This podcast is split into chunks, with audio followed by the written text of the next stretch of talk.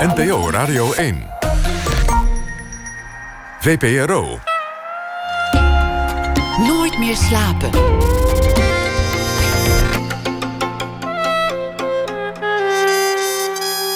Met Pieter van der Wielen. Goedenacht en welkom bij Nooit meer slapen. Na één uur komt schrijver Don Duins op bezoek. Hij maakt een verhaal over het voorbije jaar 2016. Maar we beginnen met theatermaker Ivo van Hoven. Het was voor hem een bijzonder jaar. Het regende prijzen, twee Tonys, een plek in de lijst van 100 meest invloedrijke denkers van het platform Policy. En grote producties in New York, Londen en Parijs. En natuurlijk de samenwerking met David Bowie kort voor zijn dood. Ivo van Hoven, welkom. Wat was dit voor jaar? Ja, het is gewoon heel, heel bijzonder. Ik heb heel veel bijzondere dingen meegemaakt. Maar ik heb natuurlijk voornamelijk echt ongelooflijk hard gewerkt. En ik snak nu ook een klein beetje vakantie, moet ik eerlijk zeggen, met de kerst. Uh, maar ik heb uh, heel veel geregisseerd, maar met, uh, in zo'n fijne, goede omstandigheden altijd. En met zo'n bijzondere mensen. Natuurlijk, dat begint met Toneel op Amsterdam, dat blijft nog altijd mijn basis. Maar ook daarbuiten, mijn eerste keer op Broadway, mijn eerste keer met de Comédie Française in de, het, het, het, het Pausepaleis, daar in open lucht voor 2000 mensen. De eerste keer National Theatre in Londen. Ik heb heel veel eerste keren meegemaakt. En op je 58 is dat heerlijk. Het begon een aantal jaar geleden, althans zo leek het van buitenaf bezien, alsof er ineens wind in de zeilen kwam, alsof, het grote oogsten begonnen was. Ach ja, maar zo, inderdaad, zo, het is de buitenkant. Want uh, ik werk natuurlijk al heel lang in andere theaters. Alleen, het is nu wel zoals je natuurlijk werkt met Juliette Binoche of met David Bowie of binnenkort met Jude Law. Dat spreekt aan. dat, dat zijn namen die iedereen kent. Ook als je niet van theater houdt of helemaal niet van muziek houdt. Dus daardoor dat die, dat die producties die ik buiten toneel op Amsterdam altijd al gemaakt heb, dat wat, wat meer ook voor de Nederlandse pers en voor de Nederlandse media attractief werden. En daar, waardoor er ook meer aandacht naar ging. En natuurlijk, uh, daarvoor werkte ik vaak in Duitse theater theaters. Dat doe ik nu wat minder. Ik, ik concentreer me veel meer op uh, Parijs, uh, Londen en op New York. Naast natuurlijk Amsterdam als de thuis. En ja, dat spreekt sowieso ook wat meer mensen aan, blijkbaar.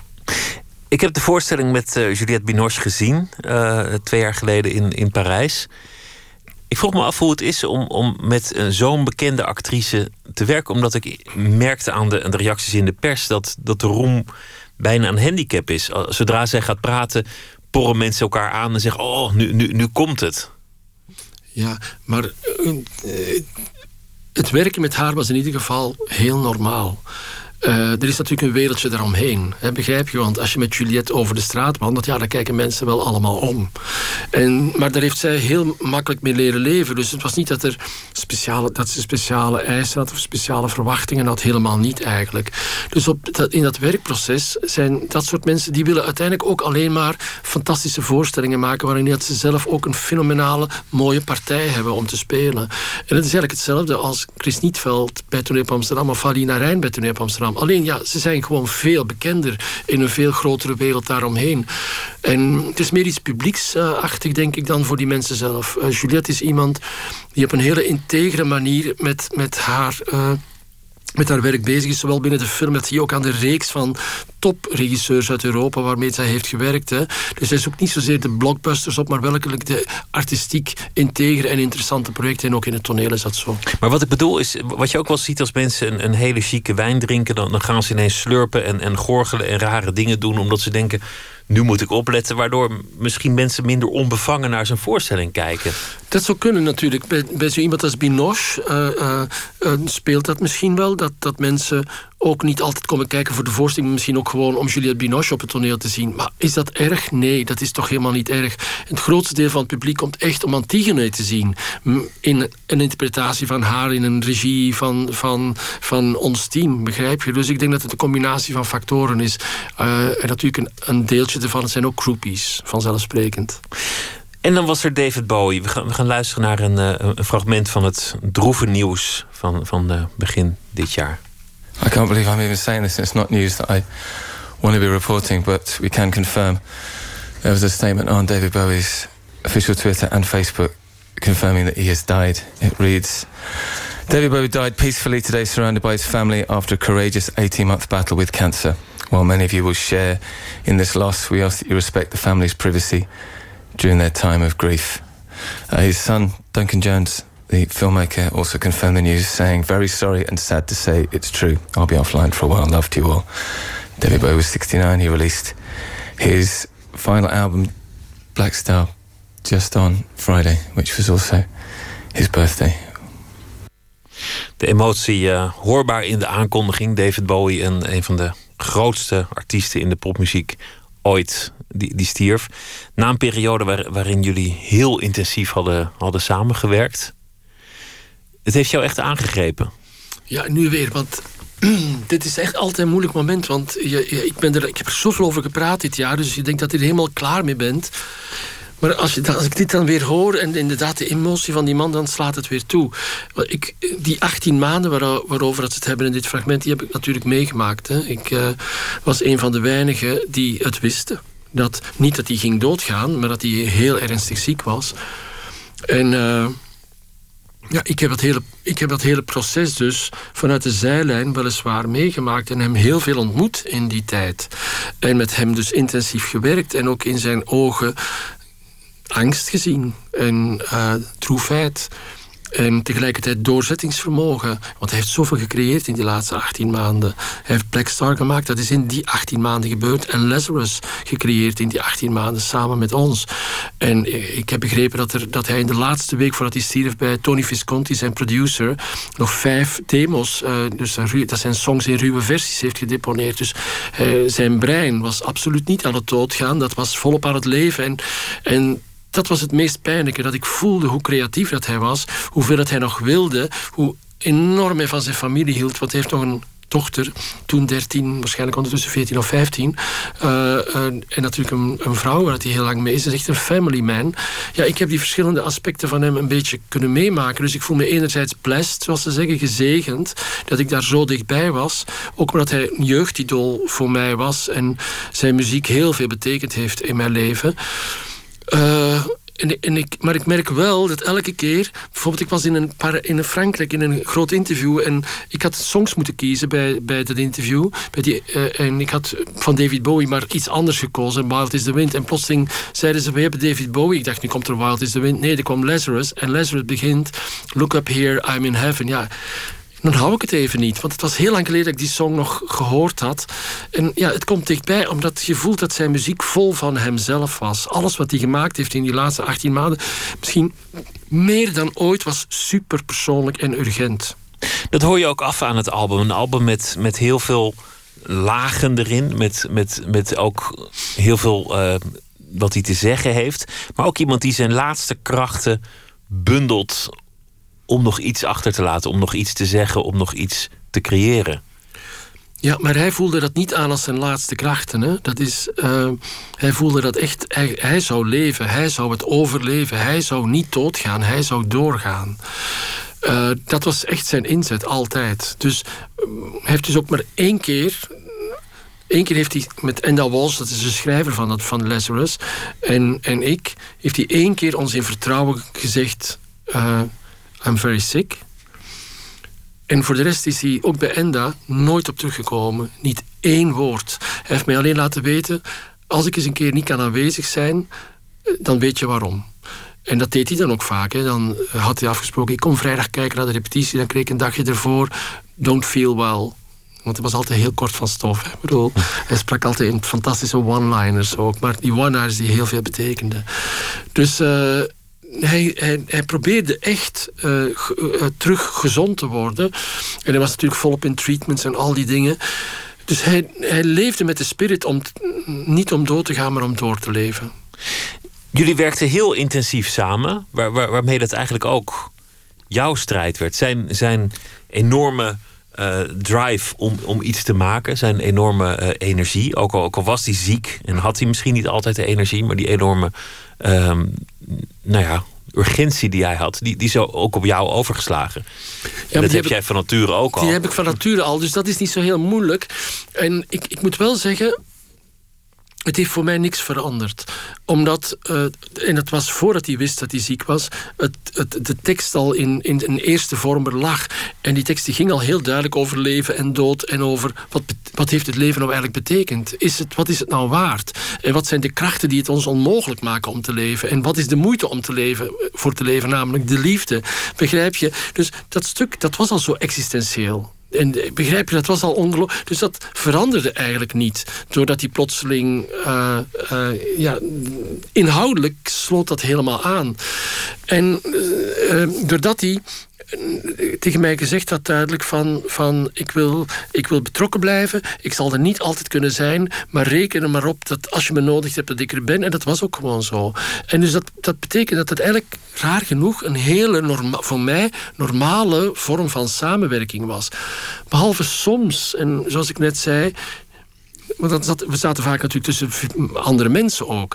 En dan keek je naar mij met een blik van het gaat vandaag niet zo lekker. Of het is, weet je wel, het waren alleen maar blikken, geen woorden. En hij gaf wel geheime signalen. En ik zag wel ja, dat die strijd hem zwaar viel. Dat hij het niet meer verwacht had. Dat hij echt, hij was in goede doen. Hij was echt in goede doen. Artistiek ook top.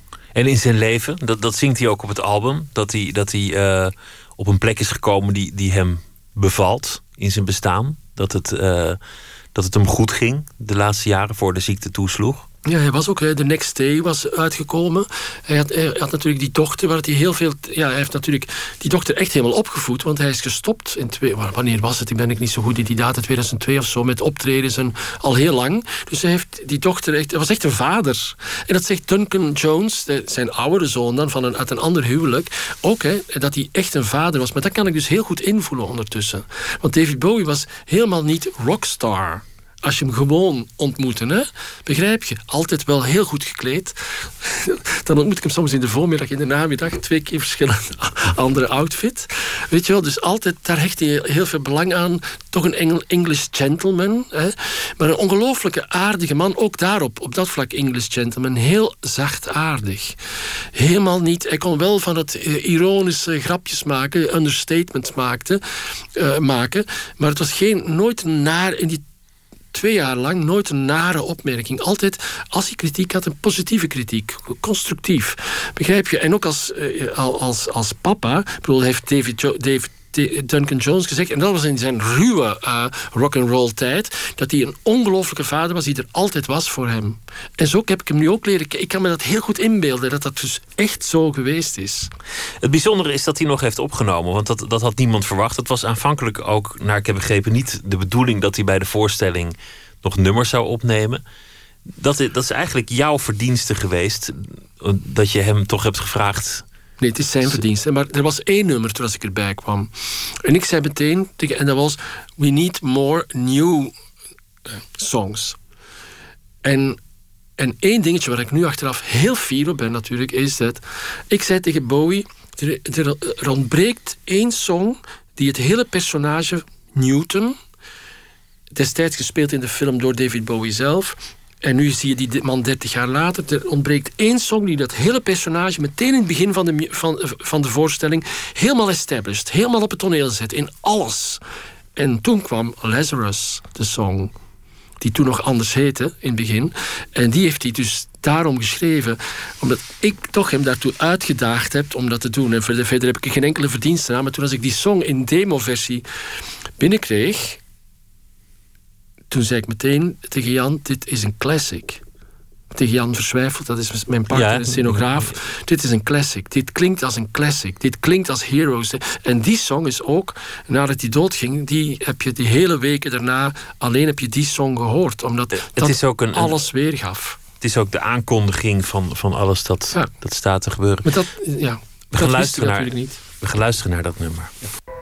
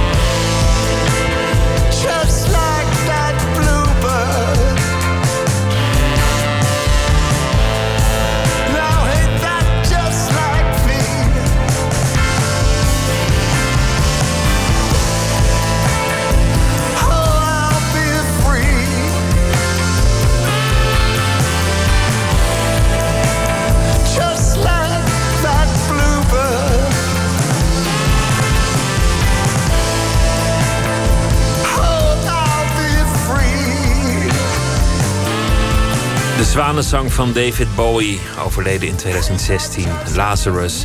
Ivo van Halven zit tegenover mij. eh, een toneelregisseur die een heel bijzonder jaar achter de rug heeft. Een jaar vol hoogtepunten, vol eh, eerste keren, voor onderscheidingen, maar ook een jaar van rouw eh, vanwege David Bowie. Je zei, Bowie is, is eerder in mijn leven heel belangrijk geweest als een soort rolmodel. Waaruit bestond dat belang? Ik, ik heb Bowie eh, leren kennen, echt, vooral eh, zijn werk.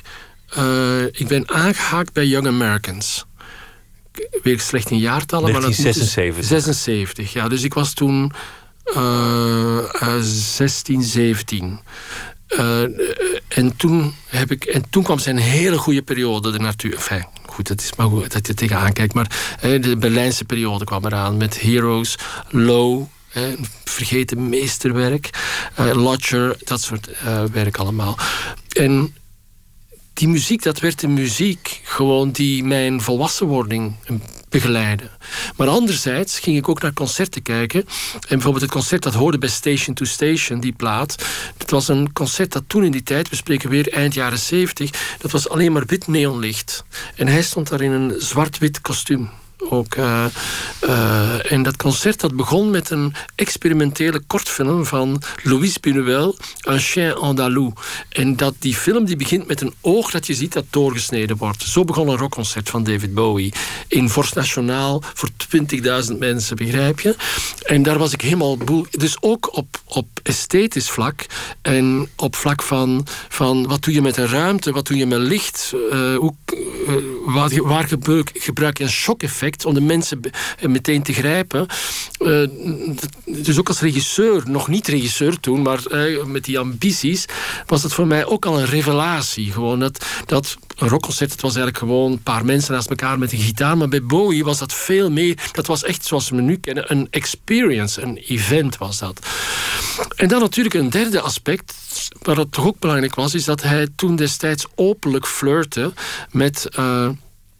Ja, nu zou je dat transgender noemen, uh, uh, met, ook met homoseksualiteit. Hij had een expliciete act met zijn uh, gitarist, Big Ronson, die toch expliciet homoseksueel getint was in ieder geval. Hij gaf zijn, in, zijn, in de interviews ook heel vage antwoorden daarop.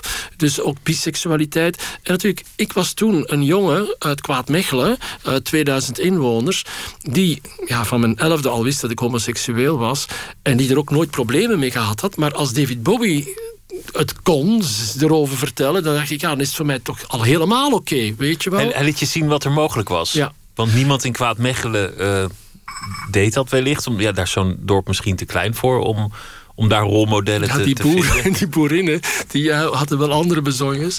En uh, ik was daar natuurlijk al lang, lang weg ook. Hè. Ik ben vanaf mijn elfde op internaat uh, gegaan. Seminarie. Een klein seminarie in Hoogstraten was dat. En, en, nogmaals, zoals ik net zei, ik had met mijn homoseksualiteit heb ik nooit een probleem gehad. Nooit mee gevochten, nooit Never nooit. Geen twijfel, geen, geen worsteling om, om, om uit de kast nee, te komen? totaal niet. Totaal niet. Ik ben nooit, ook nooit uit de kast gekomen... omdat ik er nooit heb ingezeten, voor mijn gevoel. Maar iemand als Bowie hielp daar wel bij. Begrijp je dat hij dat zo normaal... Uh, dat kon je in de popbladen lezen, in de magazines, op televisie. Kon je allemaal zien. In Kwaadmechelen woonden voornamelijk boeren en boerinnen, zei je. Maar, maar jouw vader die was de apotheker, dus dat, dat is toch een notabele. En immigranten, hè, dat waren natuurlijk de immigranten destijds in België. Dat waren Italiaanse immigranten. Het is ongelooflijk als je daar nu aan denkt. En dat, die werkten in de mijnen. Want uh, het dorp was vlakbij Beringen. En Beringen was een heel grote steelkolenmijngebied. En daar werkten natuurlijk niet die Belgen in, maar daar lieten ze die Italiaanse mijnwerkers in werken. Was, je vader de, de notabele in het dorp? Was de man van aanzien als apotheker? Die hoorde bij zo'n clubje van, uh, met de, was samen met de pastoor, de dokter, zoals ze dat dan zegden, hè, de, de, de arts, de, de apotheker, de burgemeester. En die kwamen inderdaad bij ons thuis. Het zijn, we spreken nu ook weer over de jaren 60 en begin van de jaren 70. Ja, die kwamen zo rond 11 uur, kwamen die al bij ons thuis, s ochtends. En dan werd er al een cognacje geschonken. Uh, weet je wel, dat was dat is het, eigenlijk een, een, een, vergane tijd. Uh, dus een, een, tijd die niet meer bestaat. En dus dat, dat, maar dat hele dorp... Mijn vader was wel een, meer aangezien omdat hij een heel sociaal iemand was. Het was echt een man die kon met iedereen en allemaal praten. Als die naar een café ging, die gaf tournee generaal, zoals, zoals ze dat dan zeggen. Die gaf iedereen een pintje, weet je wel, na de zondagsmis. Er was een heel sociale man. Die, die zijn apotheek, daar praat hij ook met iedereen. Dat verkopen, dat gebeurde ook wel. Maar die voornamelijk praten die met mensen allemaal. Hoe, hoe dat het hen, waar dat hem bezig hield, hoe dat met hen ging, dat soort dingen. Dus daardoor was hij voornamelijk in hoog aanzien bij iedereen. Hoe zijn je ouders omgegaan met jou, jouw geaardheid? Want je wist het zelf al vanaf je elfde. Je, je kwam al vrij jong daarvoor uit. Konden ja, zij nee, dat nee, maar zij wisten van niks. Hè? Want jij zat op, op het seminarie, Ja, en 60 ook, kilometer verderop. En ik vertoonde geen enkel achterlijk verschijnsel ik bedoel, dat daarop duidde. Uh, en ja, ik, en op een bepaald moment natuurlijk... Ik, ik moet zeggen, ik heb er niet een specifieke herinnering aan... van die dag is toen dat of dat gebeurd. Maar het was duidelijk toen als Jan Verswijfeld, mijn partner... die ik ken vanaf mijn twintigste... Uh, toen als ik daarmee thuis kwam... dat viel niet zo helemaal in goede aarde. En dat voelde ik meteen goed aan... En ik heb toen tegen Jan gezegd van... kijk, voor mij is het heel simpel. Ik kies voor jou in mijn leven. Uh, en, maar laat mijn ouders met rust. Begrijp je? Zij hebben daar moeilijkheden mee. Uh, laat hen met rust. Dus we hebben dat zo gelaten. Ik ben wel met regelmaat naar huis blijven gaan. Dus helemaal geen breuk met mijn ouders gemaakt. Uh, en geleidelijk aan...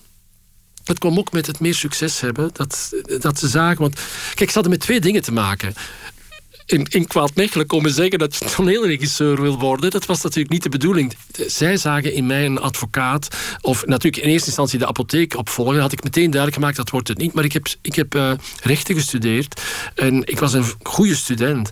En zij zagen het pad geëffend, weet je wel. En toen kwam ik thuis en ik zei: nee, ik stop met mijn advocatuur. Ik stop met die, met die, met die studie. In het derde jaar was het al. Uh, en ik ga iets anders doen. Dus het waren twee schokken voor hen. En die, die seksuele geaardheid die, uit, die, als, die uit de lucht kwam gevallen voor hen.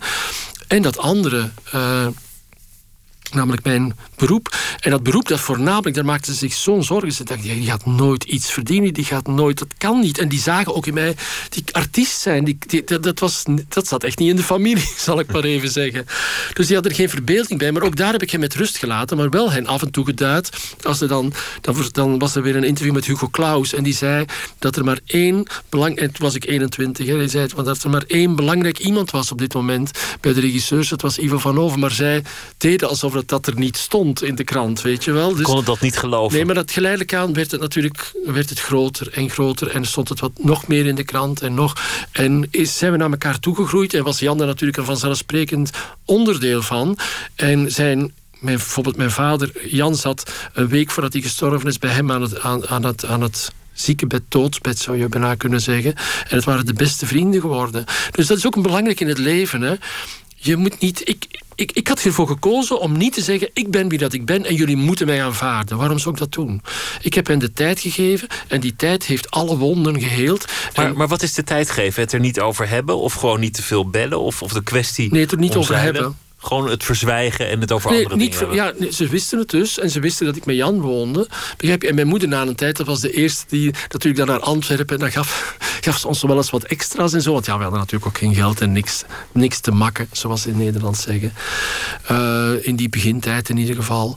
En dus dat is gegroeid. En ik, ik vind dat zo belangrijk dat je mensen niet dwingt iets te accepteren. Want dit zijn existentiële dingen, hè. Dit zijn ja, voor het leven is dat normaal gezien, hè? begrijp je? Zijn dit ook dingen die, die je gebruikt? Dit soort ervaringen, dit soort levenslessen in je theater? Want je, want je moet nadenken over personages, wat hen drijft, hoe de communicatie verloopt tussen mensen. Dat zijn vaak ook hele existentiële eh, vragen. verwerk je dit soort persoonlijke ervaringen? Ja, dat zal zeker zo zijn. Maar uh, kijk, daar denk ik natuurlijk niet, niet zo direct. En niet over na, echt. Ik, ik, kan een heel goed voorbeeld geven aan de hand van een, een kreten. Ik maakte een voorstelling Kreten en Gefluister, gebaseerd op een filmscenario van Ingmar Bergman. En daarin uh, is een centraal. Een, het gaat over drie zusters. En één uh, uh, zuster die is een kunstenares die stervende is. En toen als ik die voorstelling maakte, was ik me niet wel bewust, maar mijn, mijn broer, mijn vader was gestorven het jaar ervoor. In 2007. Voorstelling heb ik in 2009 gemaakt, dus anderhalf jaar ervoor. Uh, en mijn broer kwam kijken met mijn moeder. Uh, en mijn broer die zei meteen, dat was wel herkenbaar. Terwijl mijn moeder die zei alleen maar prachtige voorstelling, prachtig gespeeld, prachtig licht. Dus die zat nog in de het negeren van dat wat ze gezien had eigenlijk. En ik was me nooit zo bewust toen als ik die voorstelling maakte... dat ik eigenlijk ja, eh, mijn, eh, mijn gevoelens en mijn gedachten... en mijn waarschijnlijk nog onverwerkte rouw daarin heb, heb gestoken. Maar het gaat niet, niet bewust, het is niet, niet een, nee, een directe relatie nee, in, in, in Niet dat ik... Nee, echt niet. Die tijd in het seminarie, ik, ik vind het interessant. Dan, dan zit je 60 kilometer van huis tussen de de paters en, en de nonnen.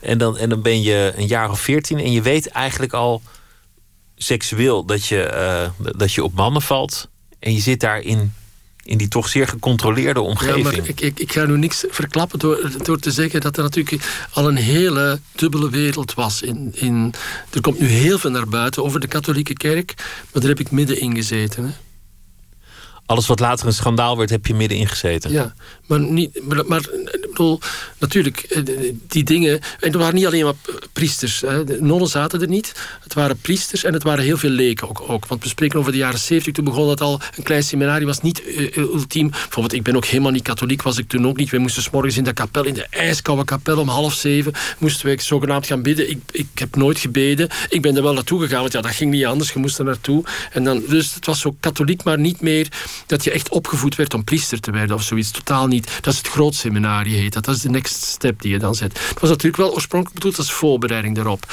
Ja, en die, die, eh, er gebeurde wel wat op zo'n klein seminarie. Maar, maar dat, dat, klinkt niet traumatisch zoals je het zegt. Voor mij niet, nee. Nee. Er, werd gewoon wat aangerommeld, zoals je eigenlijk ook wel kunt verwachten. Ik weet heel veel van heel veel mensen die er nou ook in België heel beroemd zijn geworden. Je, je, ontmoette, je ontmoette Jan Verswijveld. We, tot en met ministers. Tot, tot, ministers en iedereen zat daar. En, maar je, je, je kiest er eigenlijk voor om, om die discretie van het klein seminarie gewoon te Ja, natuurlijk wel. Omdat het een. Ik, ik, dat is wel iets waar ik ooit. Ja, dat is wel iets wat me natuurlijk ontzettend boeit. Omdat zo'n klein seminarie. Het was nog zo'n ouderwets ding wat je kent uit de, uit de Engelse series. Zo echt nog met een muur er rondomheen en dergelijke. Hè? Dus en het was dus wel een romantische plek. Want het. Uh, het was een, een groot seminarie. In die zin van, het, er waren 800 internen, zoals dat noemt. Mensen die blijven, jongens die bleven slapen, zoals ik. Op grote slaapzalen van 150 man kun je het al inbeelden. En nog in het begin zonder douchen, moesten gewoon onder de kraan wassen. Daarna zijn er douchen gekomen.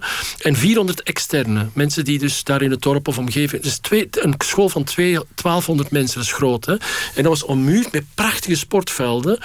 En uh, een, speelplaats met platanen. Uh, het was dus echt een gigantische plek. Dus het was een wereld, binnen de wereld, begrijp je, van... van waar het alle mensen woonden. En dan was je een week lang, zat je daar met elkaar.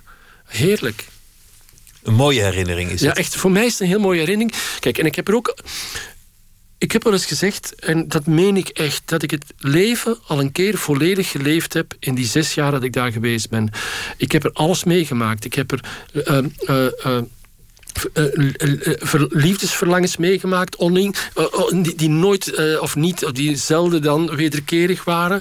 Ik, ik heb er vernederingen meegemaakt, geweld meegemaakt. Ik heb er ook de dood meegemaakt. Mijn beste vriend, niet mijn seksueel beste vriend, maar mijn beste vriend, die plotseling niet meer op de school komt omdat hij verongelukt is tijdens het weekend met een fiets. Waar dat ik, niet, ik, dat ik een boontje voor had, waar ik een, wat verlangens naar had. Maar uh, ja, het was een hele goede, mooie relatie. Waar dat ik met niemand over kon spreken, want thuis kon ik er niet over spreken, of deed ik het in ieder geval niet. En zelfs als ik er eens één keer met iemand over sprak dat ik zoveel verdriet had, dan voelde ik al dat niemand mij kon helpen. Dus ik ben, ik heb zo'n, ook in het toen al een keer een heel rouwproces doorgemaakt. Het heeft een jaar geduurd, besef ik achteraf. Ik heb het pas heel recent beseft dat ik, dat, dat mij toen heel erg geraakt heeft. En dat allemaal in die, in die besloten gemeenschap van het seminarie. Een beetje buiten de, de, de, de werkelijke grote wereld. Maar het is, dus een, de, daar, het is ook een wereld met allerlei regels die in de buitenwereld ook gelden. En waar het ook alles doet wat God, en, God verboden heeft natuurlijk. En overtredingen, dat was het heerlijkste wat er is. En dan de regels overtreden zonder dat iemand het merkte. Een heel theatrale omgeving. Heel theatrale omgeving. Ik zou er graag ooit, uh, ja, zit ik wel op te wachten om daar eens ooit iets over te mogen maken. Toen een heel andere omgeving. Jan Verswijvel tegengekomen, de liefde van je leven. Je leven lang ook je partner. De man die, die, die het licht ontwerpt en, en uh, de decors en heel veel andere dingen. En jullie gingen samen theater maken uit het niets. In een heel anarchistische omgeving. Niet in een gevestigd theater met, uh, met een subsidieaanvraag en een, en, een, en een directeur die jullie aanstelt. Maar gewoon zelf in een, in, een, in een loods die toevallig leeg stond aan de slag gaan. Klopt. Het was, ook daar moet je weer de tijd voor de geest halen. We spreken dan nu eind jaren zeventig. Uh, want het gaat natuurlijk met rassenschreden als je jong bent. En het was echt in, in Antwerpen. En Antwerpen was echt een stad van de punk. Wij hadden de band The Kids, weet je wel, die lang nog bekend geworden zijn. Het dus, eh, was in België en Nederland een van de punkbands toen destijds. Maar die hadden natuurlijk ook heel veel invloed in zo'n stad, hè, begrijp je? En punk was enorm aanwezig in Antwerpen. En uh, niet dat ik iets had met het hele uiterlijke van die punk of met uh, de, de, hoe dat zich manifesteerde, maar wel met die houding. En die houding. Do it yourself. Ja, en je mag het op de radio niet zeggen, maar misschien straks wel. Fuck you all. Dat, Fuck you all. Kan, het kan ons niet. Wij doen wat wij willen.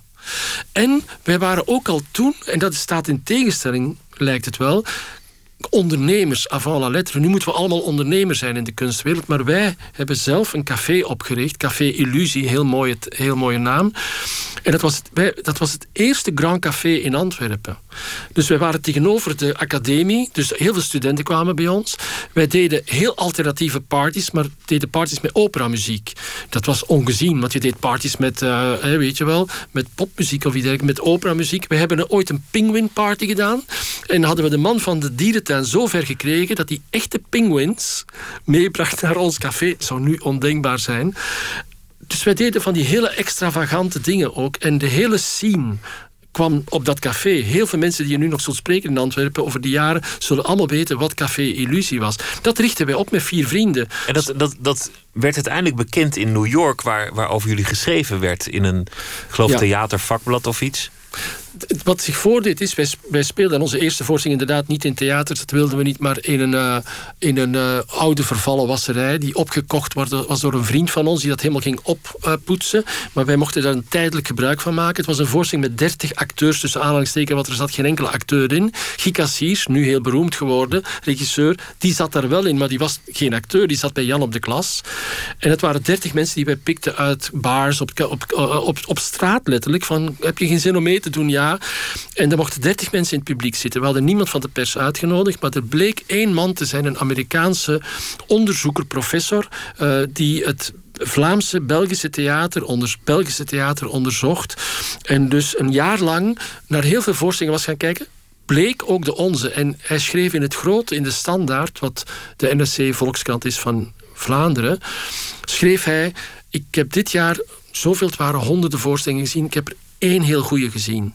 En dat was Geruchten van Act. Dat was van ons. En dus wij werden bekend overnight.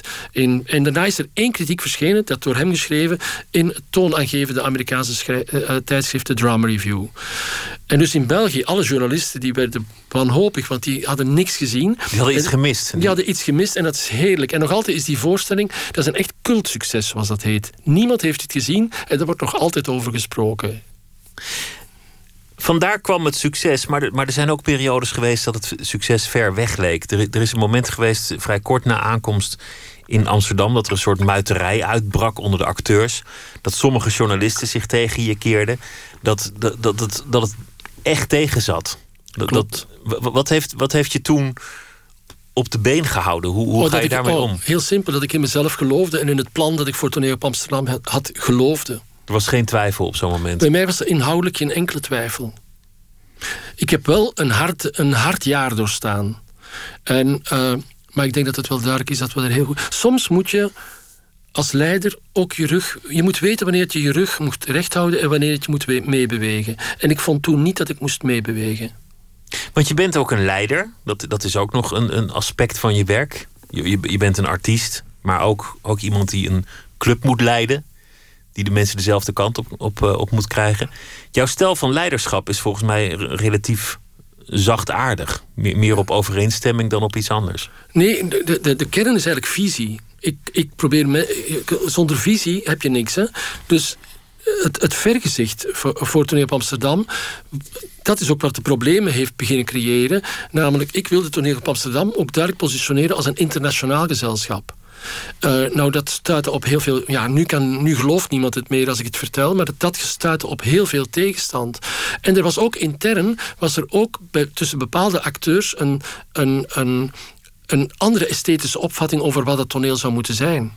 Um, en dat is ook visie brengen. Begrijp je? Zeggen van, kijk, ik snap het wat je zegt, maar dan ja, kun je hier niet terecht. Dan, er zijn nog andere gezelschappen waar je misschien voor dat terecht kunt. Hier gaan we naartoe. Hier gaan we naartoe en je moet dat vergezicht tonen. En dan heb ik toch gemerkt in het leven dat dat... En dat heb ik wel moeten leren. Want ik, denk, ik dacht in beginjaren, ik heb het verteld, het is een fantastisch verhaal. Kom aan, we gaan er met z'n allen achter staan. Zo werkt het natuurlijk niet. En daar heb ik wel geleerd, eh, heel veel geleerd van die beginjaren, dat, het niet, dat je het niet erg moet vinden om iets één keer uit te leggen, twee keer, tien keer, twintig keer, honderd keer. Dat mensen dat nodig hebben om dat inspirerende verhaal terug te horen met regelmaat. En dat ze dus ook goed weten, ja natuurlijk, dat is het helemaal. En dat heb ik wel geleerd. En dat is die zachtheid die bij mij nu beter gecombineerd is met visie. Een beetje hetzelfde als mensen die naar hun werk gaan en de route die ze elke dag rijden en toch de TomTom aanzetten. Ze willen het gewoon nog even zeker weten dat, ze, dat ze onderweg zijn. Je noemde nog een nummer. In, in de versie van Bowie noemde je het, maar eh, eh, we gaan luisteren naar uh, de versie van Nina Simone, die je ook wel eens hebt verwerkt. In Wild is the Wind. Wild is the Wind.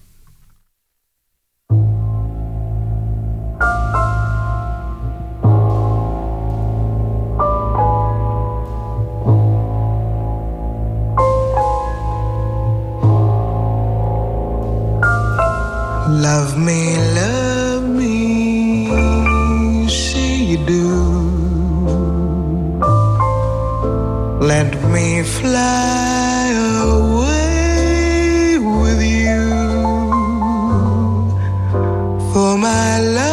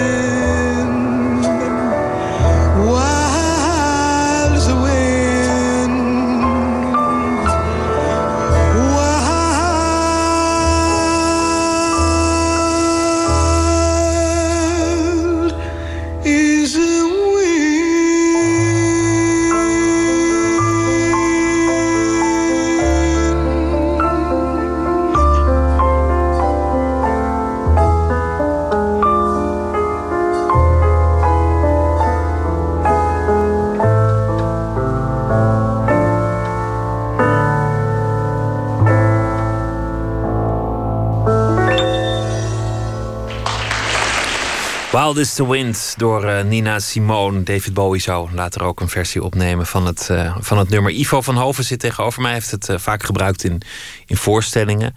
Het jaar 2016 was ook een, een, een jaar in de wereld van, van veranderingen en, en, en problemen. We, gaan luisteren naar een fragment van iets dat ook dit jaar weer toesloeg aanslagen. Wat velen vreesden is gebeurd. Het land is opgeschrikt door terreur. Er zijn vanochtend twee aanslagen gepleegd in Brussel, het hart van Europa. Eerst rond 8 uur op de luchthaven van Zaventem, een uurtje later in een metrostel in Brussel. Er zijn in totaal wellicht 28 doden en er zijn ook tientallen gewonden, mogelijk een honderdtal. De terreurdreiging in heel het land is opgeschroefd naar het allerhoogste niveau, 4. De overheid vraagt de mensen in Brussel en in heel het land om te blijven waar ze zijn. Blijf binnen is de boodschap en maak zo min mogelijk verplaatsingen. Alles begon om 8 uur vanochtend in de drukke vertrekhal van Brussels Airport. Aan de incheckbalies liet een zelfmoordterrorist een bom ontploffen. A terror attack in the French city of Nice. At least 77 people have been killed, dozens more injured, 20 critically injured. Driven at speed into a crowd celebrating Bastille Day. A man then emerged and started shooting. These pictures show the scene just moments before that attack. The driver has been shot and killed, and guns and explosives, it's reported, found inside the lorry. Parts of the city around the Promenade des Anglais are still in lockdown. Twee uh, gruwelijke aanslagen. Brussel en Nice waren dit jaar aan de beurt. Uh, Ivo van Hoven.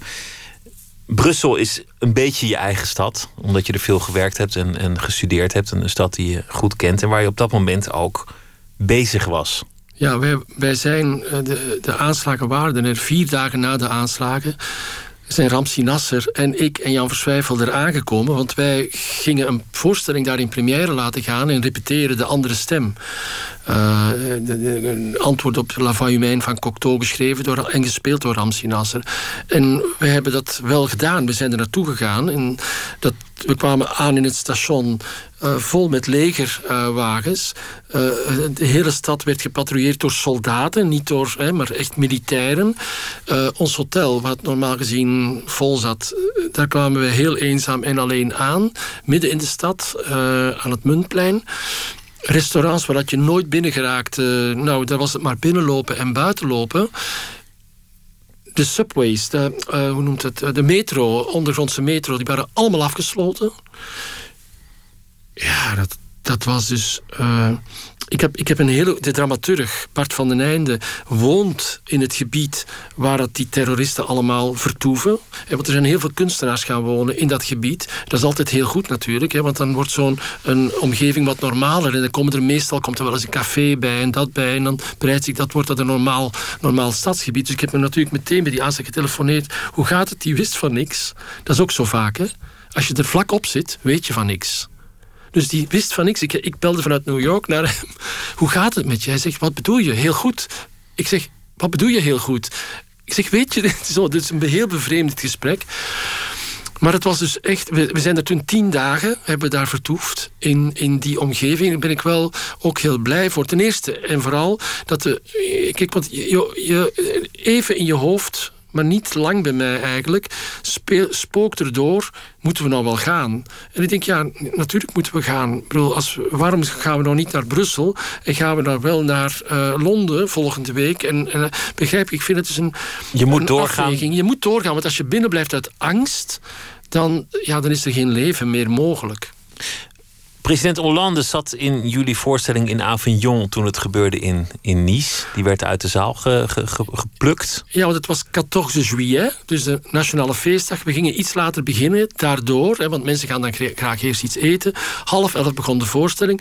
En Hollande heeft net niet ons theater bereikt. Hij, was aan de deuren en is, werd toen geëvacueerd. Niemand wist waarom, maar iedereen wist natuurlijk wel... er is hier iets raars aan de gang.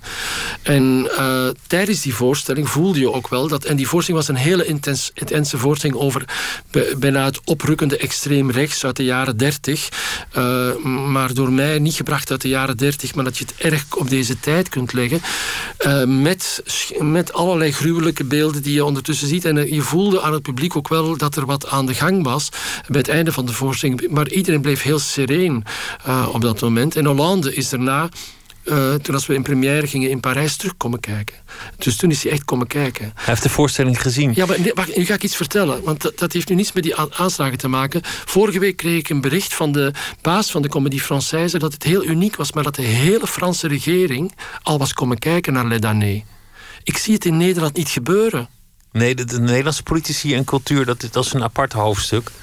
Maar het is ik niet... even, ik wou even mijn punt maken. Dat is, dat is geen warm huwelijk.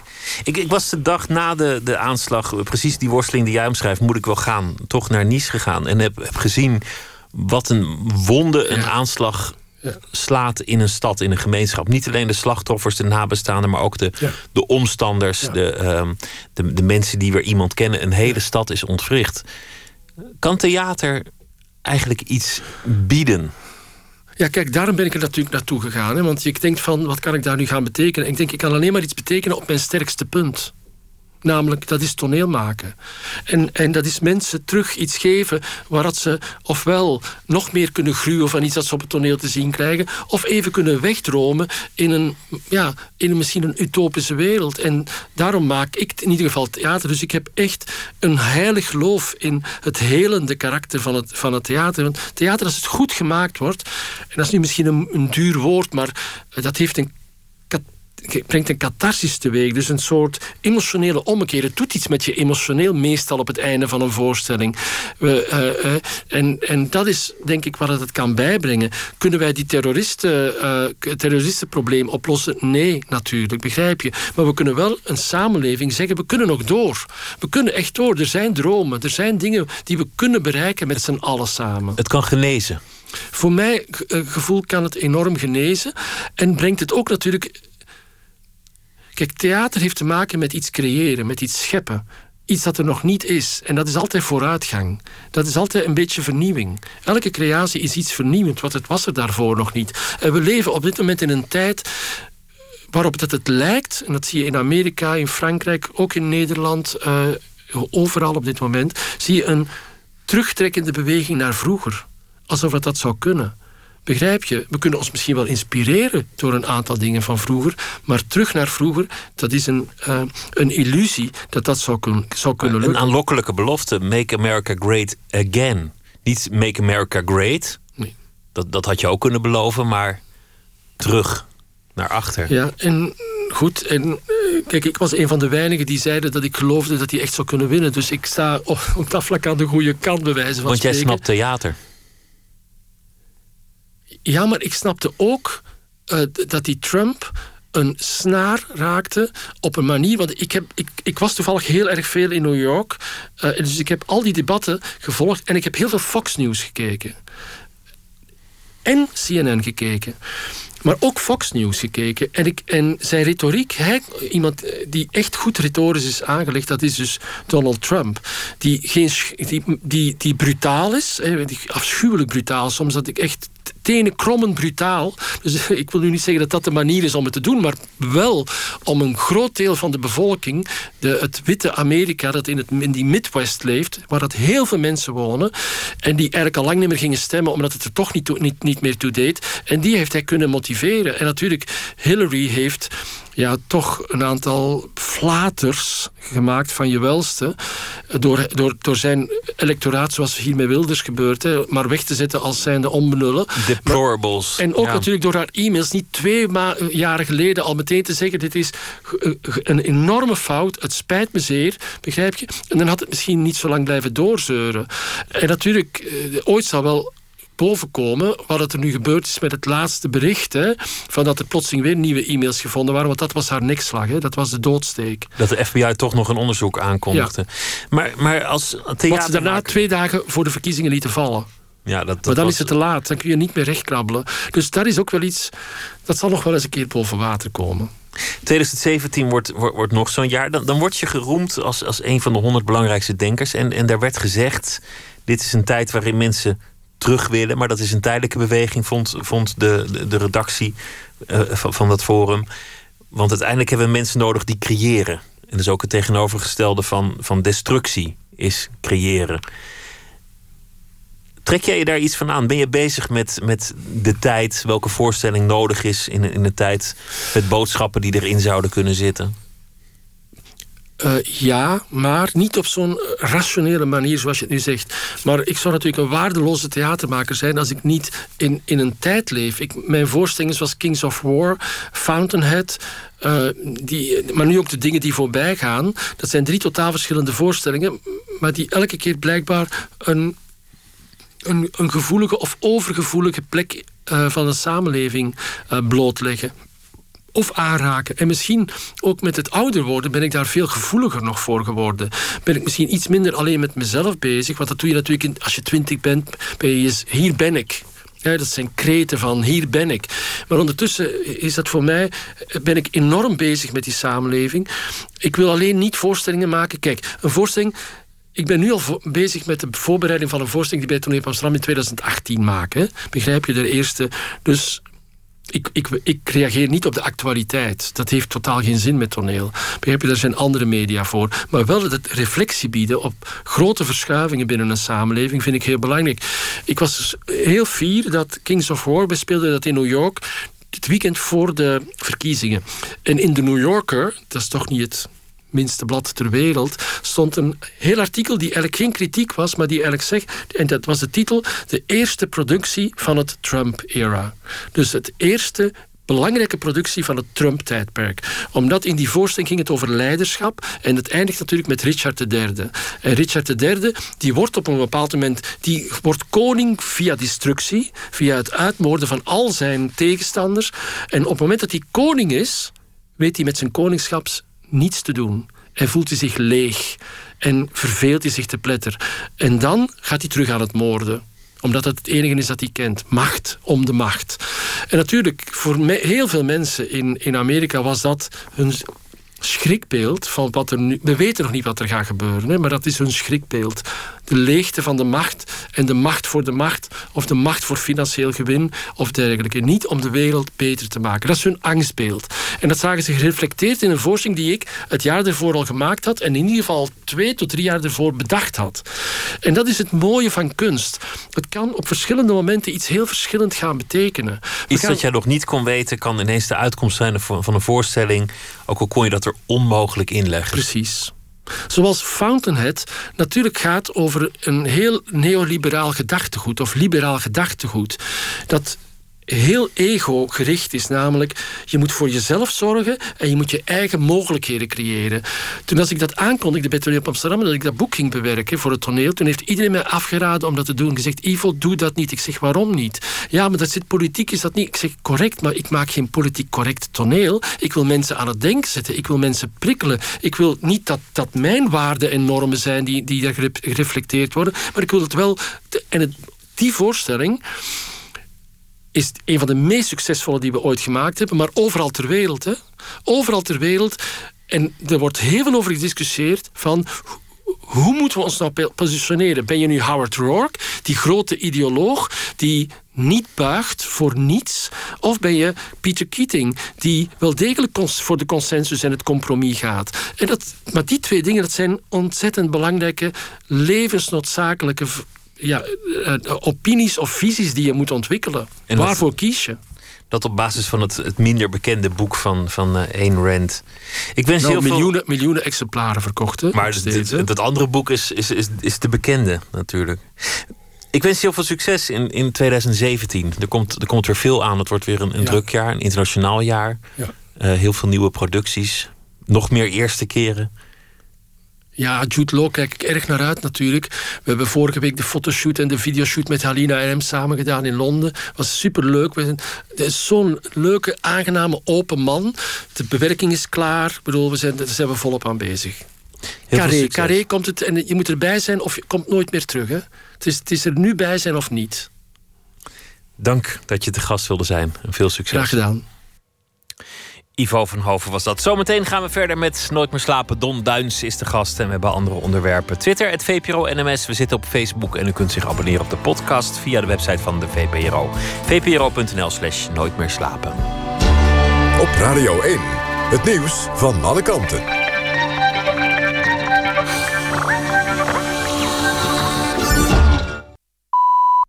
1 uur maakt de stondjes met het NOS Journaal. Een Duits schip met benzine is tegen een brug over de Maas gevaren. De Thomsonbrug tussen Graven en Nederasselt in Gelderland is daardoor afgesloten. Autoverkeer kan niet de Maas over via de N324. Door de aanvaring is een stuw beschadigd en loopt er water uit de Maas. Daardoor daalt het waterpeil tussen Graven en Boksmeer... maar het is nog niet duidelijk hoe snel dat gaat. Hulpdiensten onderzoeken de gevolgen voor schepen in de buurt. Er is niemand gewond geraakt bij het ongeluk... en het is nog onduidelijk of er benzine gelekt is uit het schip. In Syrië is het staakt het vuren ingegaan. De strijdende partijen zijn het eens over een wapenstilstand... en ook komen er vredesbesprekingen. Het is alleen nog onduidelijk welke rebellengroepen in Syrië meedoen aan het bestand. Rusland en Turkije zeggen dat hun bondgenoten in Syrië zich eraan zullen houden... en dat de strijd tegen IS zal doorgaan. Onduidelijk is of dat ook geldt voor de strijd tegen andere jihadistische groepen. De Koerdische strijders, tegenstanders van zowel Turkije als het Syrische regime... zijn niet bij het bestand betrokken. Nederlanders maken zich amper druk om de overgang naar schone energie... blijkt uit onderzoek van het Sociaal en Cultureel Planbureau. Veruit de meeste Nederlanders maken zich vooral druk om immigratie en integratie. Maar 2% van de ondervraagden begon zelf over klimaat, energie of duurzaamheid. Op de vraag of Nederland sneller van fossiele brandstoffen af moet... zei de helft toch ja. Belangrijkste reden vinden de ondervraagden dat die brandstoffen opraken... en we nu te veel afhankelijk zijn van onbetrouwbare landen. In de Utrechtse wijk Zuilen zijn vanavond kort na elkaar drie autobranden geweest. Ook in de wijk Kanaleneiland brandde een auto uit. De politie denkt aan brandstichting. De afgelopen dagen waren er in Utrecht ook al verschillende autobranden... en de politie denkt dat ook die zijn aangestoken. Het weer, lokaal kan dichte mist voorkomen. Het KNMI heeft voor grote delen van het land code geel afgegeven. Vannacht koelt het flink af tot plaatselijk min 6. Morgen is er af en toe zon, bij een graad of 3. Op Oudejaarsdag is het bewolkt, maar het blijft waarschijnlijk wel droog... tot en met de jaarwisseling. Dit was het NWS Journaal. NPO Radio 1. VPRO. Nooit meer slapen.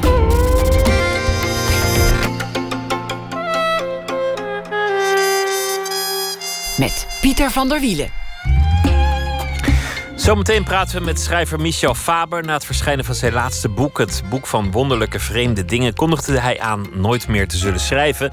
Zijn vrouw was toen al enige jaren terminaal ziek. Na de dood van zijn vrouw heeft hij toch nog een uh, boek geschreven, een poëziebundel. Tot leven, een liefdesgeschiedenis. Pas toen uh, kunstcritica Merel Bem kunst begon te linken aan persoonlijke herinneringen, beraakte het haar werkelijk, uh, die kunst. En daar heeft ze een boek over gemaakt, Doorkijken. Zometeen gaat ze ons dat leren. Maar we beginnen met uh, Don Duins, een van de schrijvers die op deze plek normaal terugblikt op de voorbije dag. En uh, vannacht gaan we het anders doen. We gaan terugblikken op 2016. Don Duins is schrijver van toneelstukken, boeken en televisieseries en uh, films en nou ja, eigenlijk alles. Don, welkom. Dodo, ja, van alles.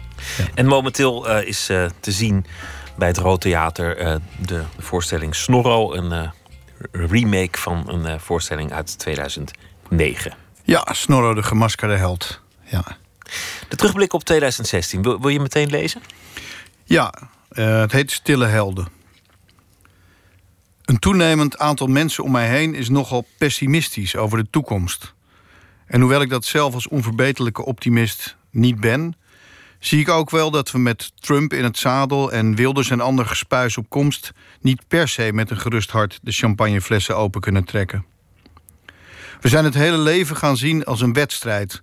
En als je verliest, is dat je eigen schuld. Alles wordt in ranglijsten gevangen. Wie onderaan staat, valt af. En de grote bekken winnen. Naast Trump en Wilders ook Jan Roos en Brexit-voorvechters als Boris Johnson. Diegene die het hardst roept en het meest aandacht krijgt, mag juichen. Mijn bovenbuurman, Menno, neemt het expliciet op voor de verliezers, tussen aanhalingstekens. Hij vertrekt geregeld met een bestelbusje vol onderdelen om kachels te bouwen naar opvangkampen in Frankrijk. Nadat Calais is opgedoekt, klust hij nu in Duinkerken. Opvangkampen is trouwens te veel gezegd. Er is geen sprake van opvang. Hier zitten de mensen die nergens meer terecht kunnen. Het is het opvangputje van onze beschaving, een moderne hel. Zoals mijn bovenbuurman zelf op zijn Facebookpagina schrijft. We hebben vandaag een tent van zeven Eritreërs afgebroken om een houten huis voor ze te bouwen. En zeker vijftig ratten renden rond onze voeten. Toen we klaar waren, vloog een tent van zes Ethiopiërs in brand, omdat ze tentzeil om de kachelpijp hadden gewikkeld die we gisteren hebben opgebouwd. Dus morgen moeten we als maniakken bouwen om dertien zielen weer een dak te geven. En toen kwam er een groep van vijftien minderjarigen zonder begeleiding aan in het kamp. Of ze een plek konden hebben voor de nacht, en waarschijnlijk voor langer. Dit alles dus gewoon in Europa op vier uur rijden van Nederland. Het zijn mensen als mijn bovenbuurman die daadwerkelijk iets doen die me hoop geven. Onbezongen helden die te midden van de ratten en de viezigheid de omstandigheden van hedendaagse verschoppelingen trachten te verbeteren. Een heel ander voorbeeld van iemand die op zijn eigen manier iets probeert te veranderen is acteur Jack Woutersen. Met zijn programmareeks Ik ben Nederlander laat hij zien hoe kinderen van allerlei afkomst en kleur in ons land plezier maken, hobby's hebben, in zaken geloven en ervan balen dat ze muggenbulten hebben. Het is een programma dat met zoveel lol gemaakt is dat je al snel gaat geloven in de onderliggende gedachte: iedereen hoort erbij. En nee, dat is in dit geval geen holle frase. Zoals Jack en mijn bovenbuurman Menno zijn er gelukkig nog meer in ons land. Mensen die positieve actie ondernemen en daarmee de wereld iets verbeteren. En wat doe ik? Te weinig natuurlijk. Ik stort geld op de rekening van de bovenbuurman, daar gaat ook het honorarium van vanavond heen, en kijk naar het programma van Jack Woutersen. Maar zit er een vluchtelingengezin bij ons aan tafel? Geef ik taalles? Bouw ik kachels? Niets van het alles. Maar als we dan toch aan goede voornemens doen, het is tenslotte de nacht van 29 op 30 december, wacht maar. 2017, ik kijk je recht in de bek aan. Kom maar op. Don Duins, dankjewel. En zometeen uh, praten we verder in de rubriek Open Kaart. Eindejaarslijstjes, de winnaars en de verliezers en de platen die zullen bijblijven. Nick Cave maakte een album dat ging over rouw. En het album heette Skeleton Tree en dit nummer heette Girl in Amber.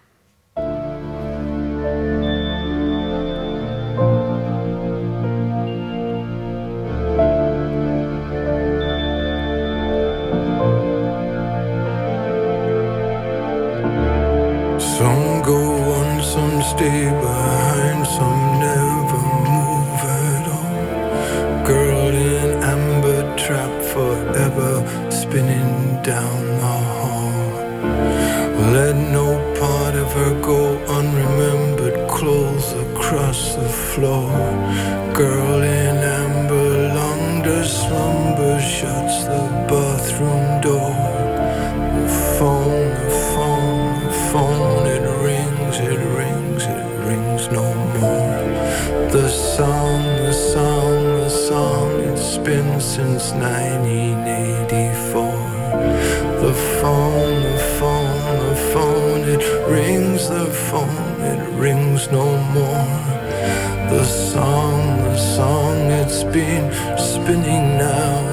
Since 90. And if you wanna bleed, just bleed. And if you wanna bleed, just bleed. And if you wanna bleed, don't breathe a word.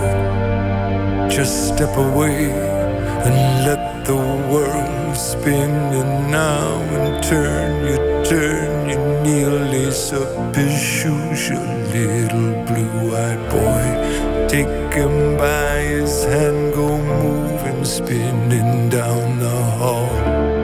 I get lucky, I get lucky, cause I tried again. I knew the world it would stop spinning since you've been gone. I used to think that when you died, you kind of wandered the world in a slumber till you crumbled, were absorbed into the earth.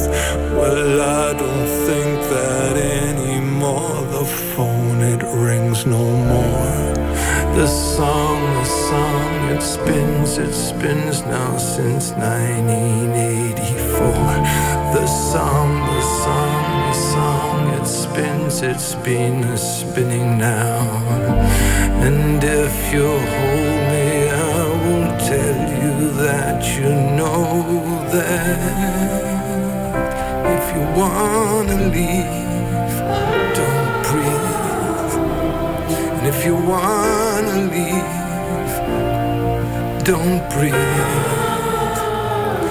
If you wanna leave, don't breathe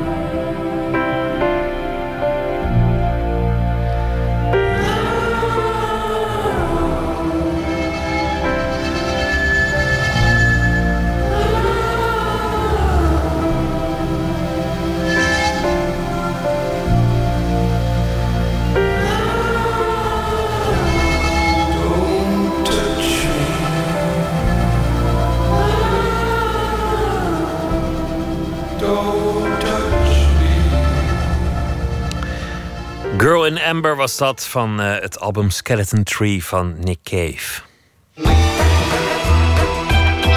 Nooit meer slapen. Michel Faber, geboren in Den Haag, groeide op in Australië en woont al een aantal jaar op een uh, afgelegen treinstation in Schotland.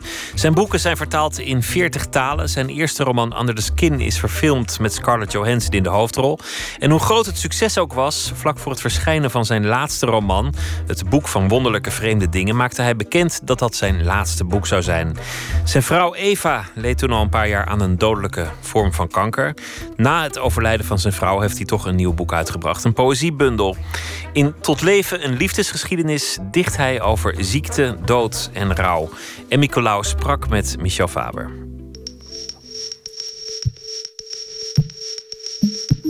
Ik mocht wonen, laten we zeggen, in haar ziekenhuiskamer voor de laatste vijf maanden of zoiets van haar leven.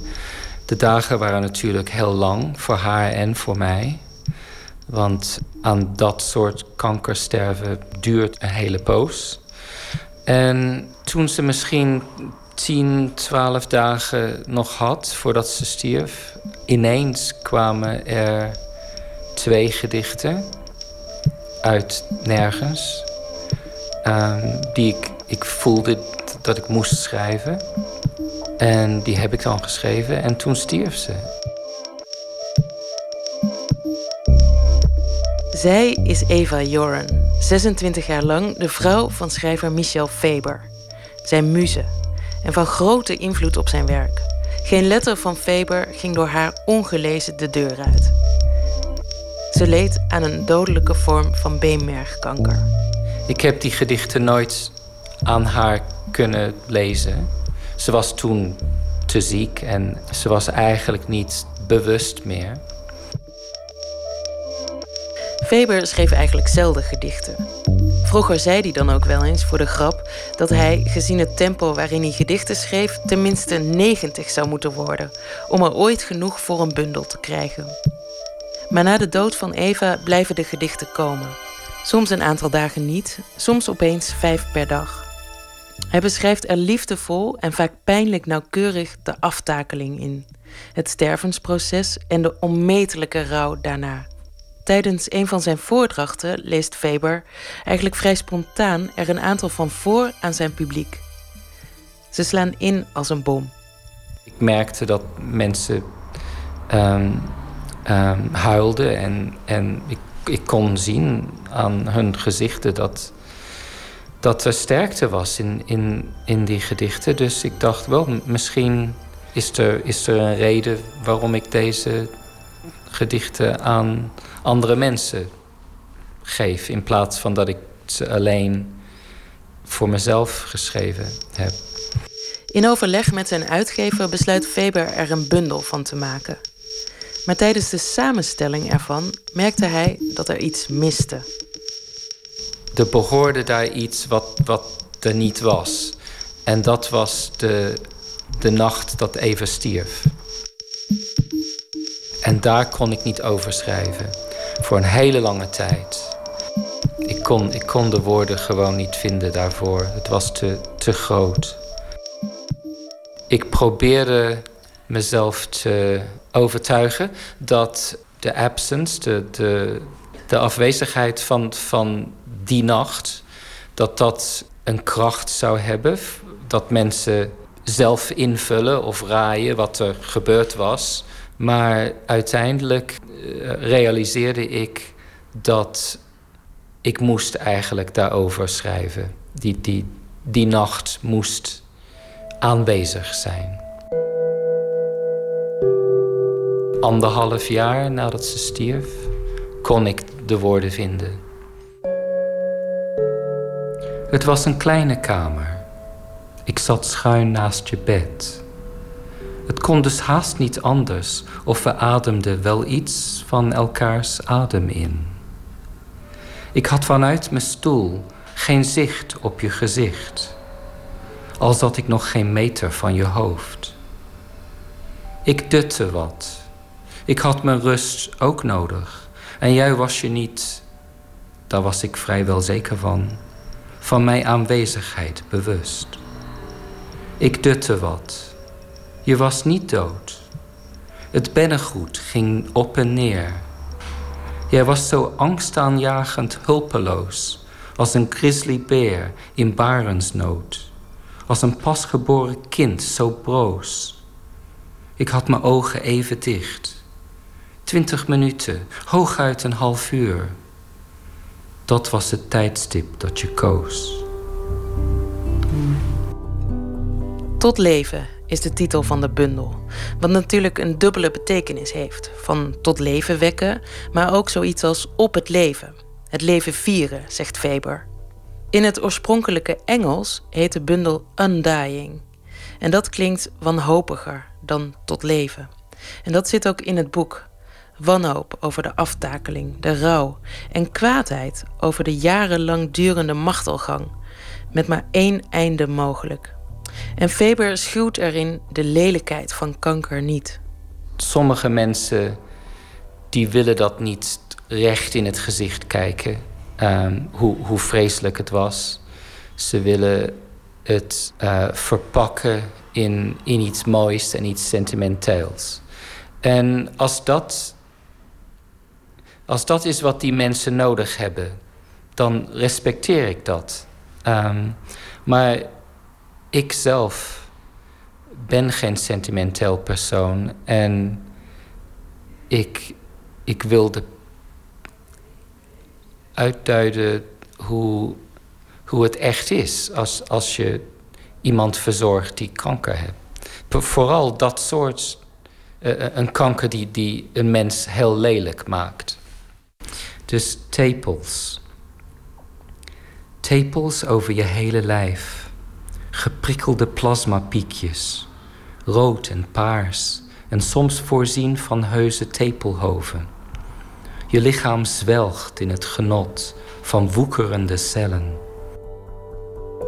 Heel weinig schrijvers of dichters schrijven daarover, want er is eigenlijk een soort dwang bijna dat je, dat je moet zeggen: Nou, voor mij was ze altijd de mooiste vrouw ter wereld. Um, en natuurlijk, dat is niet waar meer. Als iemand dat soort kanker heeft, kan dat niet waar meer wezen. Ik wou daarover praten in, in een manier wat um, eerlijk was. Al die tepels zwellen van dag tot dag iets verderop. Ik heb besloten om die op jouw voet te volgen. Liefdevol te volgen, totdat hij afvlakt en verdwijnt. Of totdat jij dat doet. De vraag is, wat gebeurt het eerst?